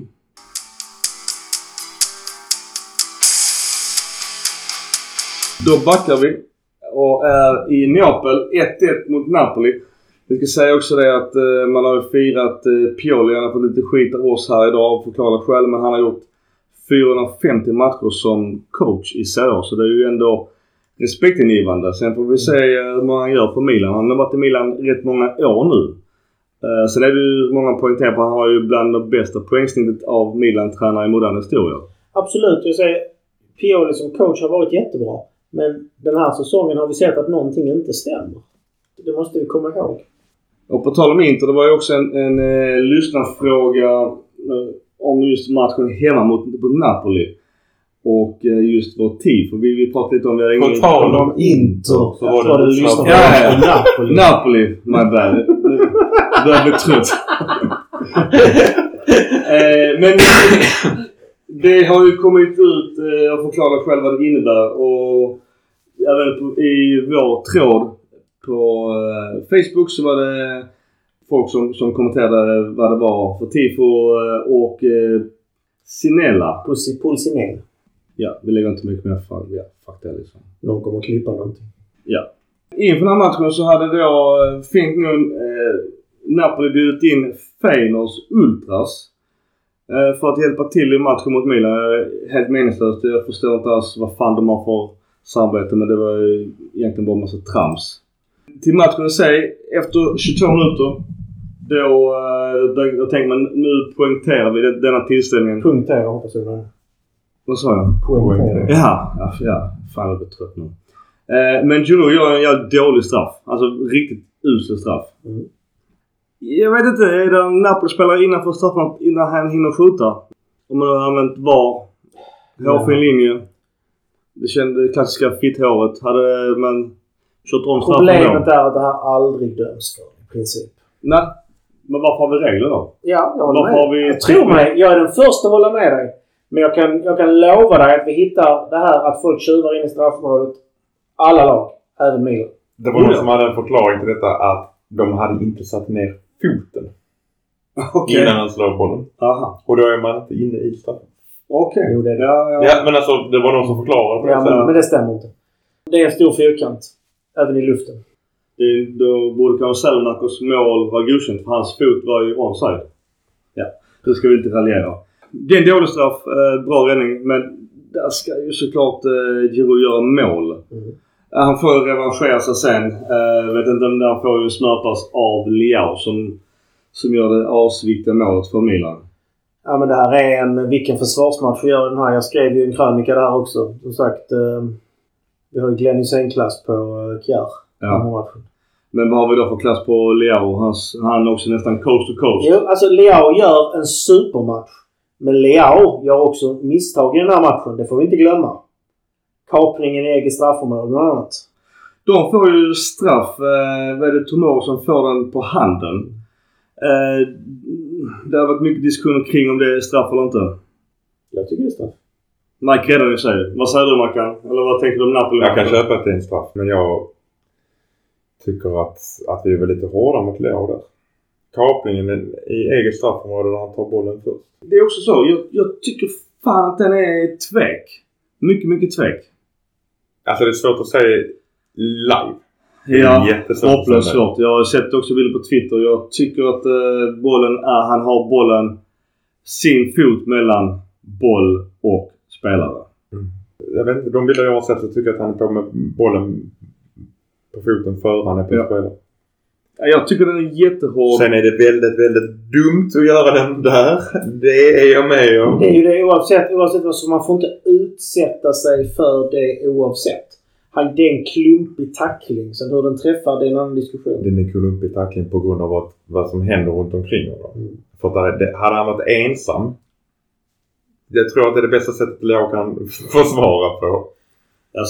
Man... Leo, Leo lekte, Leo sprang, Leo utmanade, Leo log och Leo stod för årets assist. Det som drar ner hans betyg lite är tacklingen i eget straffområde. Även om det inte blir straff nu så får man inte utsätta sig för den risken i eget straffområde och tacklingen var inte bra. Vi ska vara glada att ha honom om förlängning ett måste. Med dina betyg. Det var det jag skrev om honom efter Ja. den matchen. Förlåt, det var Mike Magnan som fick Lennys en-klass i den matchen. En sexa på femgradig skala. Men frågan hade, hade han blåst straff där om inte Milan haft 1-0 från första matchen, mötet, 1-0 i matchen och en jävla massa bullshit i pressen från Napolis eh, På president. Hansen menar du? Ja. Jag. Ser inte att straffarna är något fel i den här matchen. Det är ju återigen en polack som eh, i tapeten. Eh, han är i och för sig en V- han dömde VM-final, gjorde inte det? Med Marcinik. Jag, jag, jag har faktiskt inte något jättemycket att invända mot den straffen. Va? Nej, det är kanske jag som är petig. Kanske för att Major räddade den. Som inte har så mycket att invända.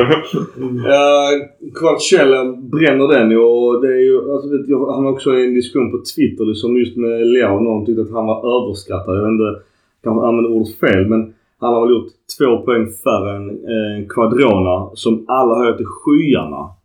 Eh, jag vet inte, jag tycker inte Leo är sämre än honom på något sätt. Han kan vara ojämn men han får ju inte heller spela lika mycket som eh, Quadrona. Också i ett mycket mer välfungerande lag. Alltså Quadrana får bra betyg men jag tycker Calabria tar bort honom i de här två matcherna. Och då tycker inte jag att man kanske är bäst i världen på sin position. Tre matcher till och med. Tre matcher men vi tar det kan bli 4-0 lika. också. Ja. Så att eh, det, jag tycker det är lite passus på den nu. Eh, men jag tycker annars inför 52 728. Jag tycker att eh, alltså matchen var ju bra av Milan rent taktiskt. De ville ju alltså egentligen bara stänga ner den. Alltså spela av den. Köra lite, lite Mourinho-style. Och det gick ändå bra. Och, och återigen, Giroux straff, vi har inte nämnt den. Men den är ju solklar. Det är väl ingenting att diskutera att den är Nej, väl... inte den heller. Sagt, ja, ja, jag tyckte en bra domarinsats. Ja, det är ju VM-finaldomare så det, han ska hålla, hålla nivå. Eh, Vi gör ju byten som vanligt eh, och Messias kommer in istället för Diaz. Diaz jätteblek. Eller? Eh, Giroud blir utbytt. Eh, Origi kommer in och Selmakers byter av Leao. Alltså i en match där du ska försöka försvara en ledning. Då gör ju inte Diaz så mycket. Nej. Det, Taktiskt det rätt. kanske till och med fel att ha honom på plan från början. Ja, han var ju bra i Det kanske är bättre att ta in honom Ja. om vi behöver göra mål. Ja, ja. Eh, Deras mål eh, gör ju också med på nick i, på övertid. Det kändes ändå som att vi hade faktiskt kontroll över matchen. Vi, jag, jag- jag tycker återigen, vi verkligen blandar över den här säsongen. Jag tycker att eh, kvartsfinalen mot Napoli över två matcher tycker jag ändå vi är det bättre laget. Jag tycker vi är värdigt laget gå vidare. Absolut. Får jag läsa upp årets sågning? Jättegärna. Du brukar gilla dem. Ja. Divock Origi 1,5. Man kan säga mycket om Origi, men han är i alla fall konsekvent. Konstanta bolltapp, alibi-löpningar och lätt joggande för att försöka vinna tillbaka tappade bollar. Hans största bedrift i matchen var när han fick ont och det gick över en minut av tiden. Nej, här borde Rebic ha fått komma in som faktiskt försöker. Ja, det är hårt. Du borde skriva betyg ofta på svenska fans. Viss humor och ja, jag läser såklart det du skriver. Jag tycker det är kul för att eh, det gör ju en, en, en humoristisk touch till en härlig sågning. Det måste jag nog dig. Eh, annars match man säga Spalletti, han börjar såklart men det gör han alltid fast han har guldet klart. Eh, dock inte klart när vi ser när, när denna matchen gick. Men Napoli, Napolis ägare har varit ute och sagt att eh, domaren hindrar dem från att vinna Champions League. Ja, jag vet.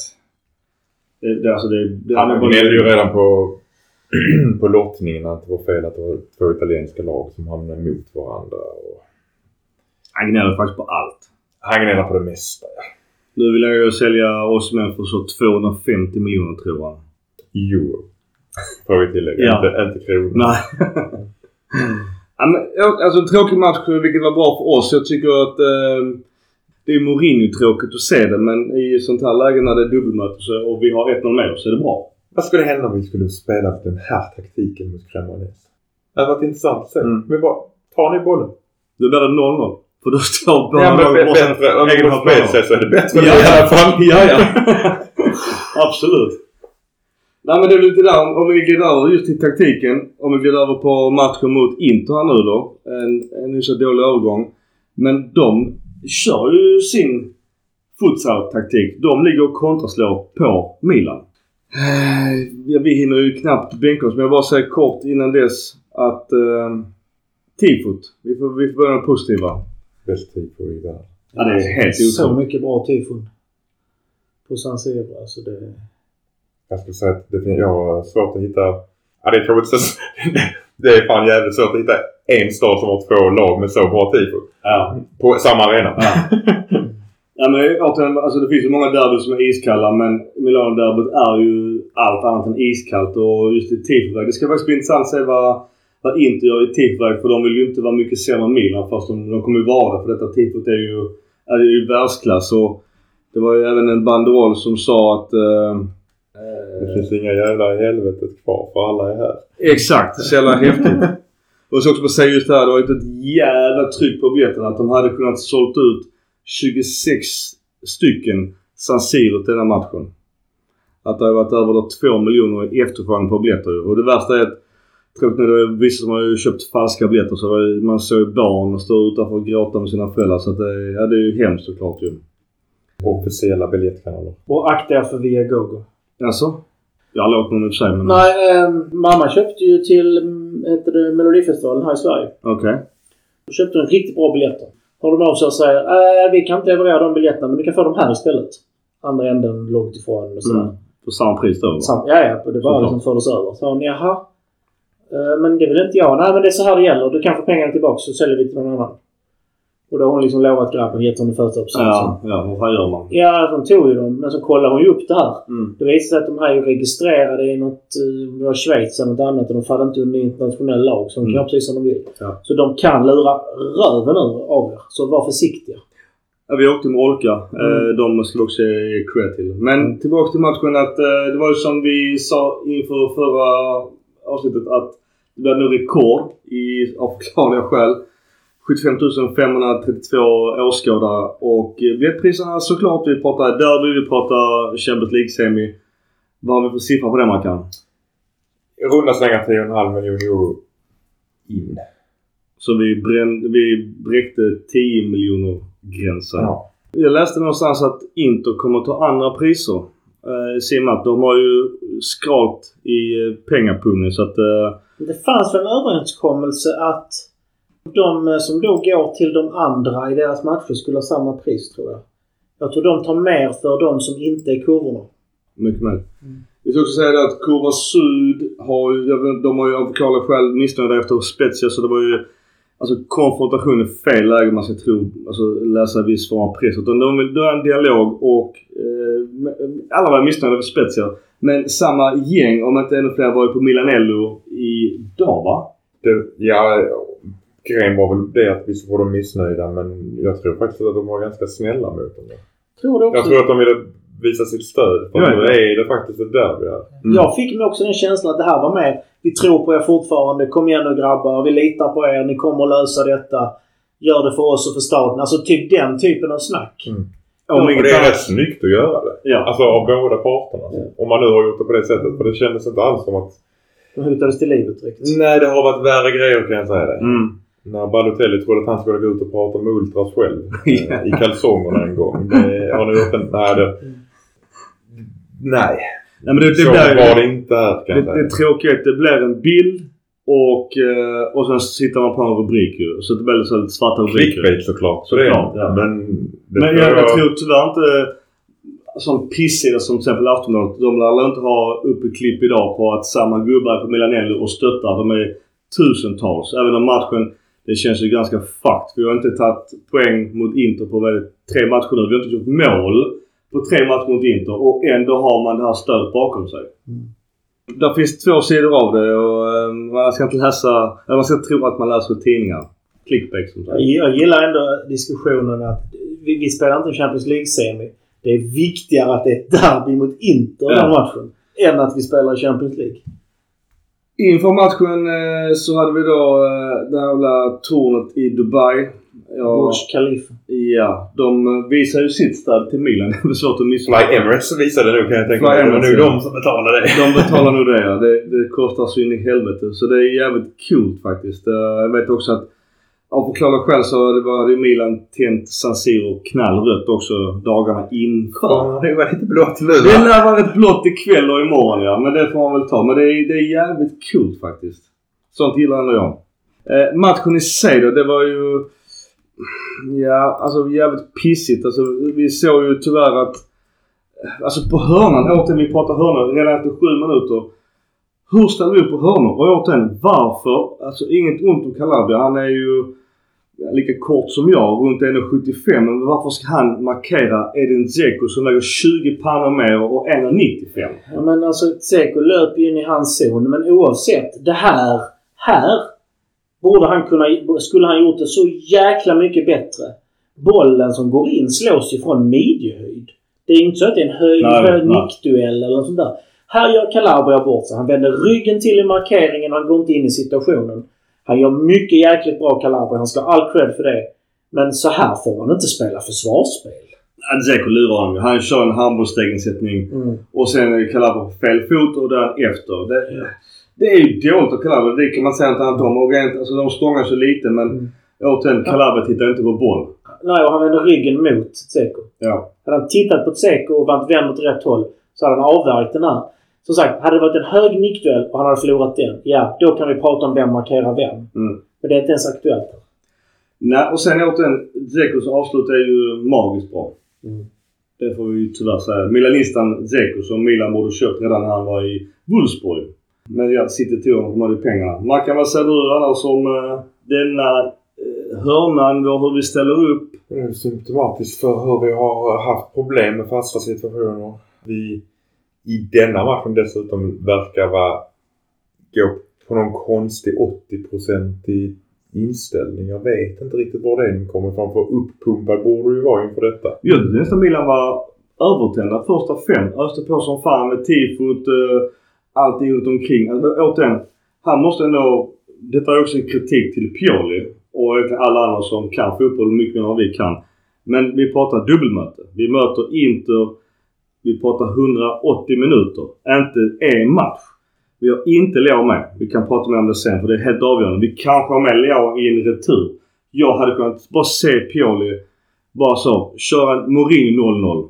Få ha med honom i match 2. Kör precis som du gjorde mot Napoli. Ja. När vi ledde. Ja. Alltså haft den taktiken. För att Inter, de vet också återigen, vi är lättlästa. Men det är fan Inter också. De är ju ett kontringslag. Det vet de. Och de, de packar som fan ihop laget så mycket det går. Och utan då, och nu tar vi den här med Leo, han är borta. Då kan ju Inter packa sitt lag ännu mer. Alltså från backlinje till anfall. Det är så jävla kompakt till skillnad från vårt lag som är så utdraget. Alltså har man då med Leo, då måste deras lag dras ut mycket mer och då blir det ytor på mitten. För att vi förlorar mittfältet ju. För det är så jävla kompakt. Vi kommer ingenstans. Och la- ja, du har helt rätt. Laget är, är för långt. Och det blir ännu längre när vi pressar med våra anfallare men vi följer inte upp det ordentligt med pressen från mittfält. Mm. Så att, det- nej, jag vet inte. Jag står fast. Jag skulle se mer genomskärare från de sittande mittfältarna och kanske till och med mittbackarna. Så vi har ju både Kjär, Tomori och så vidare som har historiskt sett varit jättebra på de här långa bollarna upp. Som öppnar upp lag. Och man ser också just deras 2-0 Alltså visst, Calabria hänger inte med Di Marco som eh, har fått bra utveckling på säsongen. Så all cred till honom. Men Tonali hänger inte alls med i, uh, på mitten där tyvärr.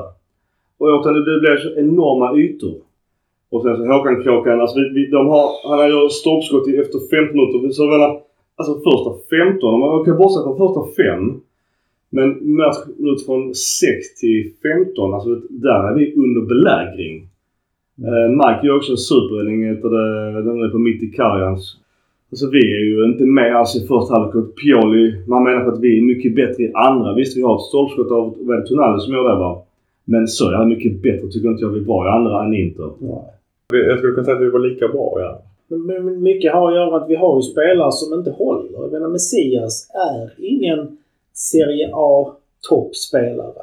När han får ett bra läge. Alltså, Jo, men- jo, men vad, han- han- vad, ska, vad gör han? Han är helt fri. Alltså, det är så otroligt dåligt. Han, han kommer honom på sin vänsterfot och missar mål med två meter. Ja. Alltså det är för dåligt. Alltså, det är så han- jävla dåligt i en Champions League-semi. Ja, men bara det, inte bara den situationen. Hela hans generell, hur han rör sig, hur han hanterar boll, hur han passar.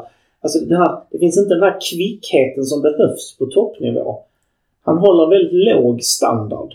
Och eh, jag kände att han var en nödlösning när vi fick honom för vi behövde fylla ut. Vi har inte, vi har inte ersatt honom. Vi har gjort honom till princip till ordinarie. En spelare som inte håller. Vi, vi har två år har vi behövt skrikit efter en högerytter. Vi har inte, vi har inte ens verkar gjort någon ins, alltså ansträngning för att få in det. Nej, och det, nej, jag håller med. Men det är där jag börjar fundera på vad hade Pioli gjort med lite mer pengar? Absolut. Mm. Hade han lyckats mycket bättre? Eller är han en sån spelare som faktiskt, eller en tränare som är bra på att göra talanger till färdiga spelare och kanske få det bästa utav en medioker Messias? Eller klarar han av om du hade fått in eller en, alltså om du hade fått in Angel Di Maria. Hade han klarat av att hantera honom? Mm, vet inte. Ja. 75 532. Massano, domare. Jag tycker att han eh, var ojämn. På, dålig på båda hållen. Jag vet att straffen som Inter blev eh, rejectad tycker jag är rätt. Jag tycker Lautaro filmar som fan. Jag, jag blir sjukt besviken när man hör sådana som Rio Ferdinand sitta på BT Sports och säga att, att det är en klar straff. Uh, Gerard var Du kan inte lyssna på Rio Ferdinand. Ja men Gerard var ändå så. Han var ändå... Och även Owen Hargreaves. Han bara, det är en solklar straff. Bara så, varför det? Ja men där är kontakt. Alltså, när man, man, man verkligen ska leta upp kontakten för att se den. Alltså han är ju också, vi, vi pratade Teo. Han är filmare. Ja han förstärker absolut ju. Men, men... Alltså, Jag skulle nästan säga att det här är en riktig filmning. Ja, alltså jag bara, nu kan inte VAR ge gult kort av någon sjuk anledning. Men han borde haft gult. Vänta, vänta, vänta, nu. Sekund. I alla fall kan vara Premier League. Att om man fil, ville filma till sig en straff så man inte får rött kort då. Är det bevisad fysisk kontakt så, så, så finns det ingen som säger att automatiskt blir gult kort för filmning. Det kan bli för förstärkning men inte för filmning. För det kan, man kan göra bedömningen att ja, du kan ramla av den fysiska kontakten. Men det, det behöver inte vara automatiskt att det, att det är en bestraffningsbar förseelse eller en filmning för det. Du och jag kan springa och haka i varandra och du ramlar. Ja, det kanske inte är någon straff. Eller du filmar. Det är därför det inte... Det är, är, det någon form av kontakt innan så är det oftast inte gult kort även om det bedöms som filmning. Ja fast här, är- jag vet inte när är kontakten. Jag tycker inte det. Jag tror, jag tror att Kjär lägger handen på hans tröja. Jag tror inte tröjan är in till kroppen. Nej. Jag tycker det är en solklar filmning. Jag, jag, jag tycker att i ett sånt sagt läge... var har du rätt. Jag tror inte att de kan gå in och ge honom ett gult kort. Nej. Jag vet inte. De får ju ta bort, de får ju ta bort Kjärs gula såklart. Ja, det gjorde de ju. Jag vet inte om de får ge ett gult där på grund av att de har sett situationen en gång till. Det Egentligen kanske de borde få göra det. Ja men Premier League var det inte så att man skulle få rött om man filmade? Nej. Det Det, enda det har pratats om är att man, och tyvärr har de aldrig implementerat det, men att i efterhand ska en, domar, en domarkommitté sitta och i efterhand och dela ut gult kort för förstärkningar och filmningar. Men det stoppades av ligan. Eh, om det var Premier League eller vad det var. Och Spanien några till. Av den enkla anledningen att de räknar med att då blir alla storstjärnorna avstängda i efterhand. Ja, tills de lär sig. Ja, jag, jag är helt Ja, jag vet, jag vet. Det var bara, bara trams. Mm. Men återigen att man pratar så mycket om just den här situationen, att det finns kontakt eller inte. Men de nämner ingenting om situationen dessför, eller när matchen är. När Giroud blir helt överkörd av Acerbi. Ja, men alltså, eh, det refererar en dopingavstängd United, eh, Uni- United-spelare. Owen Hargreaves, United-spelare. Jag menar, det finns ju Dåligt omdöme menar finns ju jag. inget... Alltså, det, det, det är ju gånger två av Owen Hargreaves liksom. Det säger ju sig själv. Fair enough, fair enough. Men återigen Acerbis attack mot Giroud. eh, han, han, återigen Acerbi fick inte ens gult kort. Han var ju på Giroud i hela matchen. Och det har Acerbi rätt i. Han kommer kötta tills han får ett gult kort ju. Men domaren, han lät ju, han gör, gör, gör allt ju. Vår gamla reject. Och han och Darmian, alltså Darmian tycker jag också var en riktigt bra match nu. Också en reject på Milan. Men min poäng är fortfarande att man pratar väldigt gärna om denna straffen men man nämner inte alls Giroud och hans överfall mot, eh, som han fick av eh, Acerbi. Mm. Det är för att den ena gick till VAR, det gjorde inte den andra. Och då återigen, varför går inte inte VAR? Man, man märker ju. Alltså, VAR, VAR har ju tittat på den men de har inte påkallat domaren. Det står ju bara ibland att det är VAR-checking. Och det Men det, det, är när, dom, det är när domaren begär det. Jag vill ha en koll. Ska jag ut och kolla? Då står det che- eh, checking. Eh, men VAR kollar ju på alla de här situationerna och de, de kan gå ner till domaren, alltså kontakta domaren och säga Du! Här var det nog straff. Du behöver kolla på denna. Och då får domaren göra ett val. Ja, jag vill titta på den. Eller nej, jag anser att jag har sett den.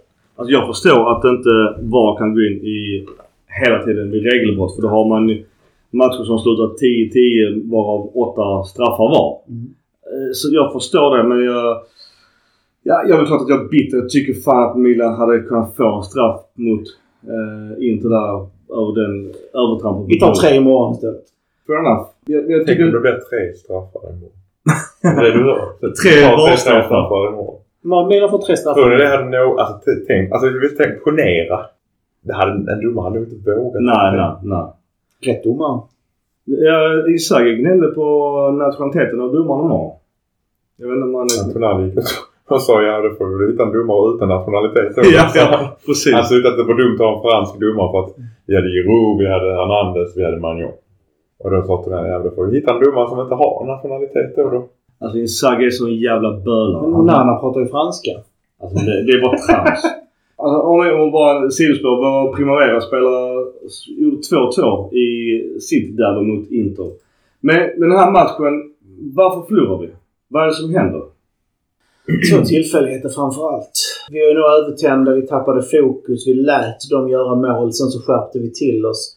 Sen kom vi aldrig riktigt in i det. Vi hade lite chanser. Vi, I perioder var vi bra, men överlag var vi i klassen sämre. Om vi var trötta, om vi var sönderlästa, om det var för att de stängde mittfältet. Om det var för att vi inte utnyttjade de, det vi faktiskt är bra på. Låter det osagt. Vi är så glada att det stannade vid 2-0. Vi hade kanske kunnat gjort något, men eh, jag ser inte att det är orättvist. Nej, orättvist är det absolut inte. Nej, Inter var bättre. Inte var mycket bättre. Framförallt i första halvtimmen. Det jag stör mest på det är, det är inställningen. Att den är så loj. Det är det jag menar. Jag, jag vet inte. Övertänd brukar ju sluta med att man kanske får ett rött kort. Men jag tyckte faktiskt att vi var undertända. Jag vet inte. Jag tyckte vi var halvt steg efter i varenda närkamp.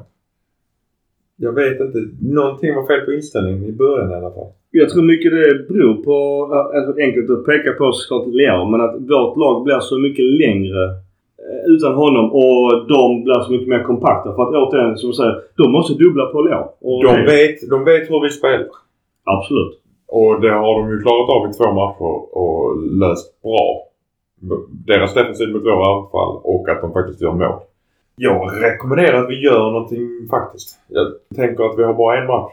Vi måste göra någonting på mittfält. Vi måste hålla ihop laget. Det kan inte vara 50 meter yta.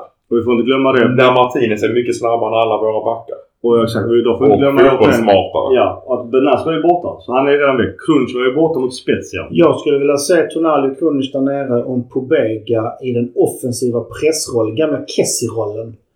Vinna bollar, pressa deras spelfördelare konstant. Så länge han orkar. Av den anledningen, det, det är ju där han har varit som bäst.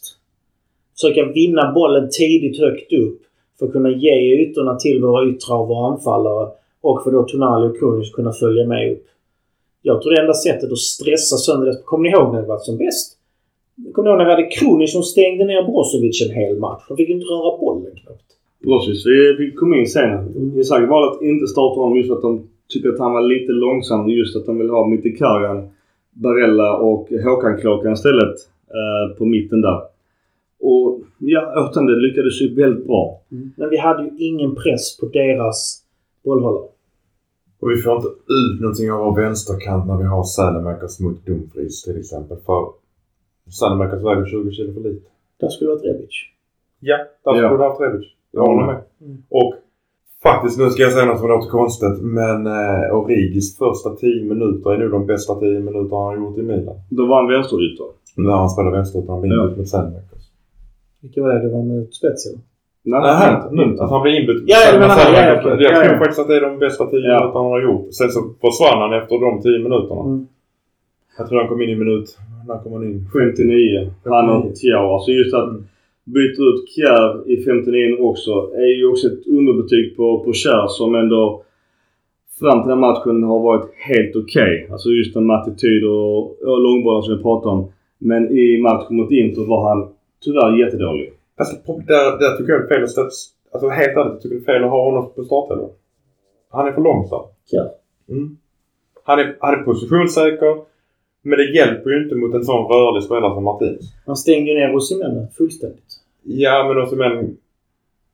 Helt ärligt, kom tillbaka direkt från skada. Var inte så bra som han kanske borde vara. För, eller. Nej, med tanke på hur bra han var mot Napoli så, så förstår jag att han spelar. Jag förstår också att han Ja, spelar men... ja, han, men- Ägde ju straffområdet. Och i och med att han var uppbackad av en snabb Tomori.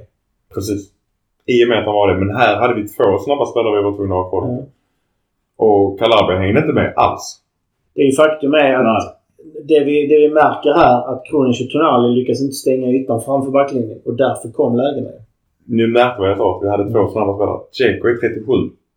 Han var snabb. Han var jätteduktig. Det, det är jobbigt att se åt som vi pratade också om i sommarfönstret att inte då, visst man tänker som man småskrattade att de tar det som verkligen budget, gamla gubbar som Cherby, Mitte Mkhitaryan, Dzeko.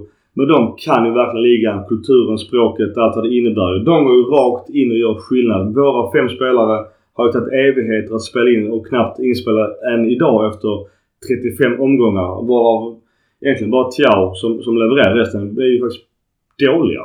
Det var det där jag än en gång tror att vi har en längre tidsperspektiv. Ett längre tidsperspektiv. Ja, det jobbiga är bara att Inter, de tog, jag ska inte säga att det är chansvärvningar på de här spelarna jag nämner för det är fortfarande jätteduktiga spelare. Men de, de får ju valuta direkt, det som är jobbigare. Hade inte de fått det, missade de Champions League, hade, då är det konkurs nästan. De var inte ens tröjsponsor. Nu har de ny tröjsponsor i sig men det är också tack för en ny tröjsponsor vid eventuellt Champions League Så det, det pissföretaget eh, är ja, det är lite som sossarnas lotteri. De kommer tjäna mycket pengar på detta. Men hur, eh, hur vänder vi? Kan vi hoppas på Leao? Är, är, det, är det stora? Jag sa det precis. En annan press. En, en våga... Men tror du kommer vi kommer gå all in första 15 och sen bara fuck it. Nej, Nu, nu växlar vi ner. Nej. Eh, inga skador, ingen bränningar spelare. Vi, vi, vi tog inte ett första mål på första 15. nej, nej. Pioli slåss för livet här. Kom ihåg detta. Bränner vi här och bränner på Champions League i ligan så tror jag han vet att han får gå. Så kommer han inte, han kommer inte vilja riskera. Om det är som så att det fortfarande står 2-0 till Inter när vi är framme i 70-70 Då kommer vi få se en all in-grej. Jag tror han kommer lita på spelomställningar, spel och så vidare. Jag skulle som sagt säga en högre press. Där tror jag nyckeln är. Och lite skära. Alltså när de spelar en sån uppställning som de gör. De kör en 5-3-2 med höga ytterbackar. Då finns det ytor. Vi har en Tonali som är expert på att slå de här svepande långbollarna, genomskärarna till snabba yttrar, snabba anfallare. Men de har vi inte sett. Där tror jag ligger nyckeln. Pobega stressar, vinner boll. Tonali slår en lång genomskärare, en omställning och så ett avslut. Det jobbiga åt den, detta är två matcher. Milan har, ligger redan under med 2 i matchen. Inter har inte levererat. De kan ju bara köra bussen som vi har så otroligt svårt mot. Mot sämre lag till och med. Tänk dig möta ett Inter som har ett namnkunnigt lag på pappret. Inte Med en buss. inte spelare som parkerar buss. De, de, de, de kan köra som kontringsfotboll. Bara kontra på antingen Lukaku och Martinez eller de med Zeko. Alltså de, de har ju en helt annan... Jag blir lite orolig där om vi, om vi febrilt jagar mål. Anfaller med hela laget i princip. Det tror jag inte vi gör förrän i slutet. Vi kan inte, vi kan inte ligga och vänta på matchen åt 70. Ja men alltså, se det så, jag, tror- jag tror risken är större om vi tokpressar i början, åker på ett i baken, då är det kört. Ja. Det är bättre att hålla ut, hoppas, få in mål på det vanliga sättet. Funkar inte det så kommer pressen i slutet. Jag tror Milan kommer ösa första 15 och sen, okej det la sig. Inte kommer vara beredda på det så det kommer vara stilt i första 15. Och sen så får man hoppas på att någonting händer i första. Förhoppningen är att man går in i halvlek med 1-0 och sen så spelar på det och trycker. Och sen så har man inte fått 2-0 så kommer man ju ösa sista kvarten såklart ju.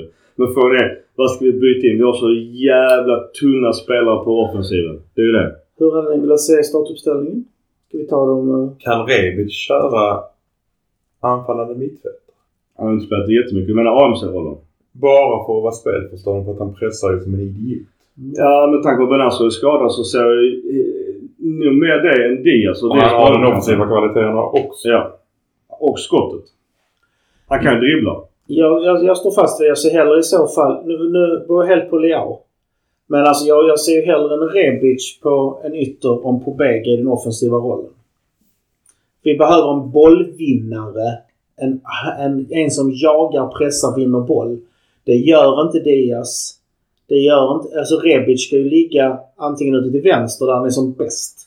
Eller på en fri roll längst upp. Men vi behöver Giroud. Men om vi börjar. Målvakt är väl inget tjafs om va? Det är Magnon. Ja, det är ju Calabria och nu har jag redan sagt att Kjär, Kjär förmodligen ska vara spela, så då är det Kalulu, Tomori och sen Teo såklart. Så den är väl klar. Eh, Tonali är ju klar också. Crunch är ju fortfarande osäker. Benazzo är borta så det är också väldigt osäkert. Det är båda de två borta så blir det ju på vägen som in med Tonali. Och då blir det hur vi kommer ha rockaden uppe. Giroud är också klar. Eh, återigen, är Leo med eller inte? Är Leo med så är han ju såklart vänsterytter. ANC. Jag tror han kommer fega och spela Diaz där och kommer fega och spela Sälen eh, på höger. Och det är inte så att jag, så att jag skulle ha det så. Hur skulle du vilja ha det? Jag frågar hur du vill ha det. Hur skulle du vilja se uppställningen imorgon? Jag hade haft eh, Kjär istället för Kalulu. Eh, kanske Kalulu som eh, Kanske som högerback för Calabria har inte varit så jävla het på senare. Så, så får man där. En Kalulu har inte varit bra heller för den delen. Men annars så jag hade nog haft, om Krunic är skadefri så, så har jag också varit jävligt dålig på senare tid. Men jag kan inte säga att han skulle bli petad av, av Pobega. Så jag tar ändå... Brands kanske? Nej, alltså Brandt i, i CM, CL semi match 2, nej. Utan det är Krunic och det är Tonali. Uh, jag vill ju se Leauska på, på vänsteryttern. Jag, jag, jag har spelat utan Amse. Jag har spelat uh, Rebic och Drew på topp och uh, Diaz till höger. Så en 4-4-2. Man kan. Alltså det är ju det är så många om och men beroende på vem som är frisk. Det är det som är det svåra just nu. Mm. Men om alla är friska. Det är inte lönt att säga Benazer för vi vet. Nej, jag hade hållit Calabria och satt in Kalulu där. Istället för Kjell. Och Tomori Hernandez. Och Magnon såklart. Eh, Tonali självskriven. Om inte det jag spelar så hade jag haft Rebic. Som vänsterytter. Och Sädemarker som högerytter. Giroud självklar. Sen har jag två mittfältsplatser kvar som jag eh, tycker är jättejobbiga. Du kan ta in uh, Pogba för han är också skadad. Och Juventus-spelare. Spelar han inte i... Kevin De Bruyne kan du inte ta in heller. Frontspelare i City. Nej, det är mest för att säga Ska vi fortsätta? Jag menar lite synd att jag... jag, jag, jag Och Steven Gerrard kan du inte ta in för han har lagt av. Lite synd om Pogba faktiskt måste jag ändå säga fast jag inte gillar honom som spelare. Eller hans Ja, vilka vill du ha på de två då man kan? Jag tror inte... Kan det vara så att Branks inte ens är med i Champions League-truppen? Det är nog inte omöjligt nej. Nej, jag tror inte han är med på... Nej. Jag tror inte han är med i truppen. Nej. Nej, Kronic som eh, spelförstörande anfallande mittfältare. Och Pobega bredvid Tonali. Och där byter jag plats på dem. Jag vill ha Kronic där nere och Pobega där uppe. Jag ser ju hellre en Tiao än en Kalulu. Han har varit mycket stabilare. Och han ska man stångas mot Zeko så litar jag inte på Kalulu. Thiago är ju också rätt mycket snabbare än uh, Kjär. Ja men om nu inte Kjär kan spela. Kjär tycker jag är självskriven annars. Men om jag inte ska ha Kjär så ser jag hellre Thiago där. Vänsterytter, Leao naturligtvis, annars Rebic. Giroud på topp, Diaz som högerytter. Ja, på tal om Champions League. Vi har ju faktiskt en lista. Bästa spelarna i Champions League under, eller Europaspel under april. Haaland etta, Leao tvåa, De Bruyne trea, Benzema fyra, Ollie Watkins femma, Mike Magnon sexa, Salah sjua, Alexander Isak åtta, Antoine Griezmann nia och David Calabria tia. Det känns nog många som har nu så för sig Calabria Nej, inte med tanke på att han tog bort Och vi, vi hela pratar, Napolis anfall. ja, vi I tre pratar matcher. april månad ska jag säga. Eller i två matcher. Ja. Vi säger om det är Europaspel. Ja, men den är magiskt bra. Du slåss rätt rätt många på nätet om Calabria va Micke? Nej, jag, jag försöker inte gå in i För, för du lyfter alltid fram att han får jättemycket kritik. Ja, jag har det inte får sett något. Han får jättemycket kritik på Twitter. Mycket av fans, kanske inte så mycket av uh, kunniga reportrar. Ja, han visade lite skills med, med, i- mot Inter också. Den, hade den gått på mål hade den gått in. Ja. Otur. Mycket otur. Gick inte in. Ja. Eh, vi nämnde ju eh, Leao, så han har ju stått vår eh, stora man och jag hoppas ju att det kanske blir officiellt just den här matchen för att spä på lite eh, hopp och eh, energi till truppen. Att eh, Gazettan rapporterar ändå att han eh, skriver på till 28. Eh, 7 miljoner per säsong, 2 miljoner signing on bonus. Eh, och då Lill har då, ska betala vad de är skyldiga Sporting. Det, det sa vi ju sist. Det var ju lite gammal skåpmat. Men kan Ma- Maldini Massa förlänga till 28 på Leao med en klausul på vad var det 175 miljoner euro i utköp. Då måste de börja ge cred till de här två sportcheferna ordentligt. Mm. För även om vi ska spela Europa League så är det ingen som kommer som... Det är ingen bossman som kommer göra någon större betydelse i sommar. Eh, bara avsluta Champions League att eh, vårt Primavera-lag, eh, Abates lag, de eh, förlorade mot Hajduk Split i sin semi och eh, samma Hajduk fick storstryk mot AZ Alkmaar med 5-0 i Youth Champions League. Holländska ungdomslag. Det är intressant att just AC är där. Eh, Så att, jag, jag kollar på det men det, det är märkligt att kolla på just åren tillbaka. Deras eh, skytteliga-vinnare och bästa spelare etc. Det är inte jättemånga som faktiskt har slagit igenom som har gjort en stor insats i Youth. Så att, eh, jag är lite förvånad att det inte var fler- än så.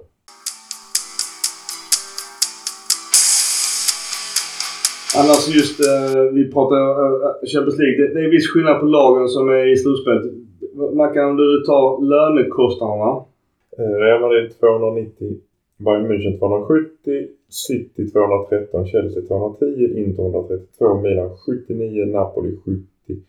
Benfica 42. Så att det kanske speglar lite eh, vår insats att vi ändå har nått Champions League-semi. Kanske också på grund av att vi var på rätt sida av trädet. Då säger kommer en fråga, en lyssnarfråga. Eh, Toulouse vann ju Coppe de France, vilket innebär att de spelar eh, Europaspel. Och det gör Milan också. Eventuellt. Vi får väl hoppas på det. Vad innebär det då för Gary Cardinal som är, sitter på två stolar? Man får inte äga två lag som spelar mot varandra i samma turnering. Det är ganska tydligt att Cardinal kommer eh, på pappret flytta över sitt ägandeskap i Toulouse till någon annan. Lätt löst. De kan trixa med det, men de kan inte trixa med ekonomiska siffrorna. Annars bara kort. Eh, Zlatan tyvärr skadad. Rykte Monza. Såklart Berlusconi och Galliani. Jag tror faktiskt inte det. Jag tror antingen så får han ordning på det, skriv, spelar ett år till i princip gratis för Milan eller så lägger han av. Jag tror inte han vill. Han har ju alltid spelat i toppklubbar. Storspelare som avslutar i storklubb. Ja. Ja. Det har han själv sagt också. Det är, är därför han inte går tillbaka till Malmö till exempel. Ja, det, det känns tufft. Och hans son eh, spelar ju Milans U18-lag. 16 år. 16 år, ja. Så det är imponerande. Jag, jag, jag sett lite miniklipp. Han verkar ha ett bra steg. Men där vill nog Milan låna ut honom. Och eh, Mm. det är snack om Novara. Som nära Milano. Så det har varit kul att se eh, Maximilian om han spelar i Serie C. Verkar väl också vara milanist. Bara kort också Champions League innan vi går över till hit and shit. Nytt format nästa år. Vi får Nej, ta vid ett 24-25. 24 förlåt. 24 25. Vi får ta det där och då. Men, men, men jag kan förklara för att vi får samma fråga varje år. Och vad som gäller med spel med lag i Champions League, platser. Ja, just det. Och det, och det här känns som ett avsnitt av Grevinnan och Betjänten. Same procedure every year. Skrev det till Micke också. Men det är som så här. Ett Vi kan ha lag... nya lyssnare så vi får ta det varje år då. Ja, jo.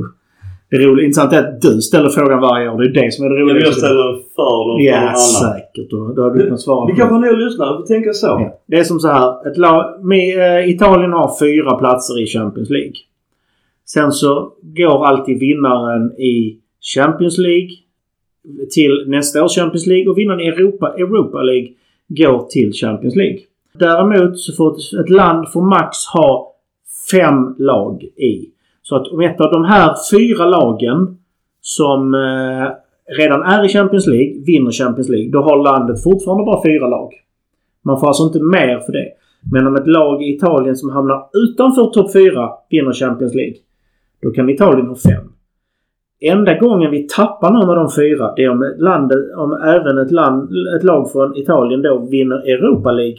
Då försvinner det fjärdeplacerade laget för ett land får aldrig ha mer än fem lag i Champions League samma år. Är du med också? Så du inte lite emot det där? Nej. Så att man kunde ha fem. Ja. Alltså fyra platser Ja. topp. Men eh, typ, om Milan var femma och vinner Champions League, då går de till Champions League. Och så har vi... Då har Italien fem. Ja. Och- du sa precis att... Och, att, eh, men nej. Men sen om säg att Juventus vinner Europa League. Då försvinner det fjärdeplacerade laget i ligan. För ett land får aldrig ha mer än fem platser. Okej, okej, nej, mer än fem. Nej, det köper jag. Ja. Eh, Jag missade. Jag missade. Mm. Ja. Det kommer i alla fall ett nytt format säsongen 24-25. Och det jag kan nämna här då är att då finns det ingen begränsning. Då kan ett land ha sex platser i Champions League. Spännande. Vinnaren har, i Champions League har automatiskt en plats. Och skulle det vara någon av topp 4-lagen så får landet ytterligare en plats. För det ska komma fyra från ligan. Det ska komma en från Champions League-segern, en från Europa League. Så där kan man komma i teorin komma sexa och ändå gå till Champions League. Ja, sen kommer eh, sista bubblare innan eh, Hit and Shit. Förra sommaren så var det snack om Neymar till Milan. Åsikt. eh, Det är ju aktuellt att, att Paris vill dumpa Neymar. Han har velat ha Neymar i Milan. Alltså det roliga är om man tittar på hans statistik så har han ju i princip samma poäng och målsnitt, om inte till och med varit bättre, än Messi och Cristiano Ronaldo. Men han har varit mycket mer skadad. Men absolut, det är ju en superspelare. Kan man få honom för vettiga pengar så är det inget konstigt. Att bara 3% hade varit gigantiskt. Man kan lite... jag- ska inte säga att det är en klanderarm, men hade velat säga Neymar i Milan. Jag får citera min son. Det är något fel på hans fot. Han är ju alltid skadad. Ja, tyvärr. Men alltså som en gimmick-värvning. Nej men alltså det, det, nej, men det är inte två olika grejer. Jag, jag håller med på den ekonomiska biten. Jag tror att du kan tjäna in Ja, ja. hans lön på det. Får du honom gratis i princip. Ja. Så kan du nog tjäna in lönen bara du får rätt på rättigheterna till tröjförsäljningen och alla de grejerna. Så inte han sitter på ett personligt kontrakt och tar massa bildrättigheter och sånt själv. Jo men när Real Madrid eh, la ner ut hur mycket pengar som helst för att värva. Vem fan var de värvade för? Beckham där de ju köpte break-even på eh, en dag. Ja, och då är det samma sak med Ronaldo. Det är Figo. samma sak. Figo. Alltså, PSG sålde ju hur mycket tröjor som helst. Men Messis första årslön var ju betald på tröjförsäljning. Liksom. Ja. Man får inte underskatta detta. Man får inte se en, en köp som bara pengar ut. För det, är det tillräckligt stort namn så genererar det helt plötsligt två vänsteryttrar som faktiskt kan ersätta varandra. Som kan vara skadade i Då och då och då. skit. Eller hur? Han kan ju spela på topp också vet du. Han kan det ju faktiskt. Mm. Är det därför kanske Milan är intresserad av att han Kamara från eh, Eintracht? Han är väl, inte han Japse? Jo. Talar om att ja. sälja tröjor. Det har inte gått så mycket tröjor till Japan sen Honda. Jag kan ju säga att också att ni som har missat det så har ju Leo varit ute och sagt att uh, Mbappe kommer till Milan. Ja, han borde gå till Milan va? Ja men gud. Vi avslutar med Hit and Shit.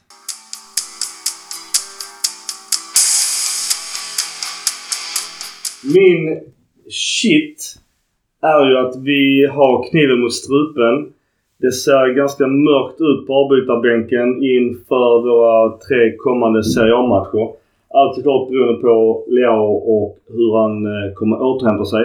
Men alltså redan skadad så det är också en extra shit på den. Formen i sig, mentaliteten i sig också dippat ganska hårt Så att det ser inte så jätteljust ut detta avsnittet i hitten Shit utan det är mycket mörker.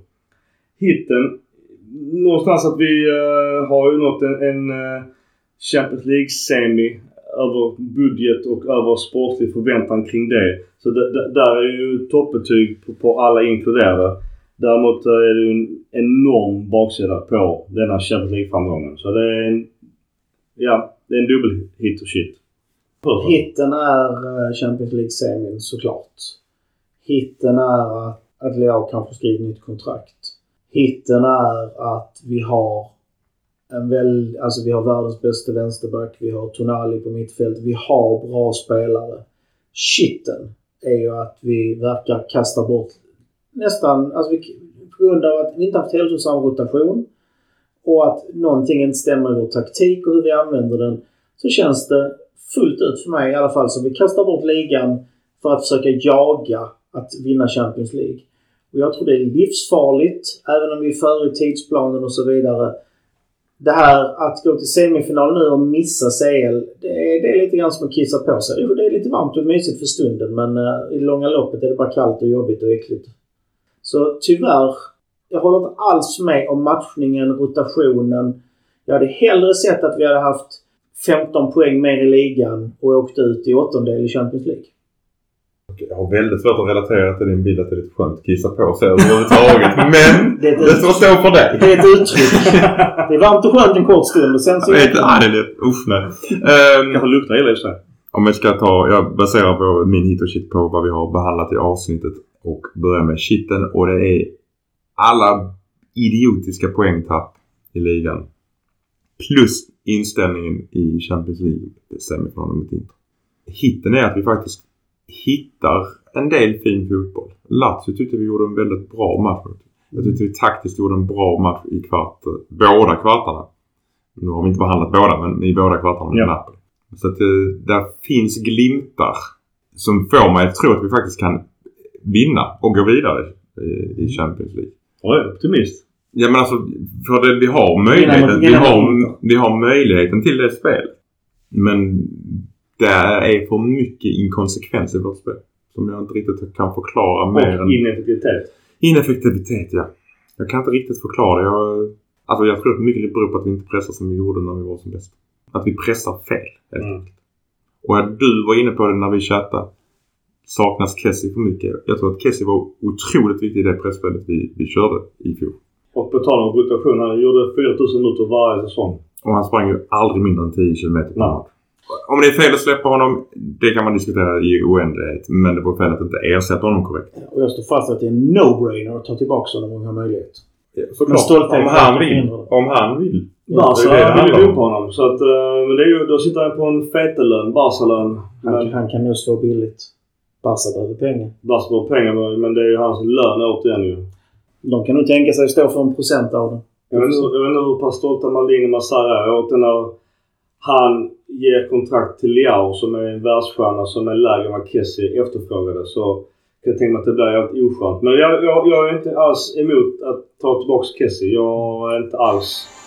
Har det inte varit en prestige och stolthet att kunna ta tillbaka en toppspelare som han var i Milan. Milan! Forza Milan. Forza Milan.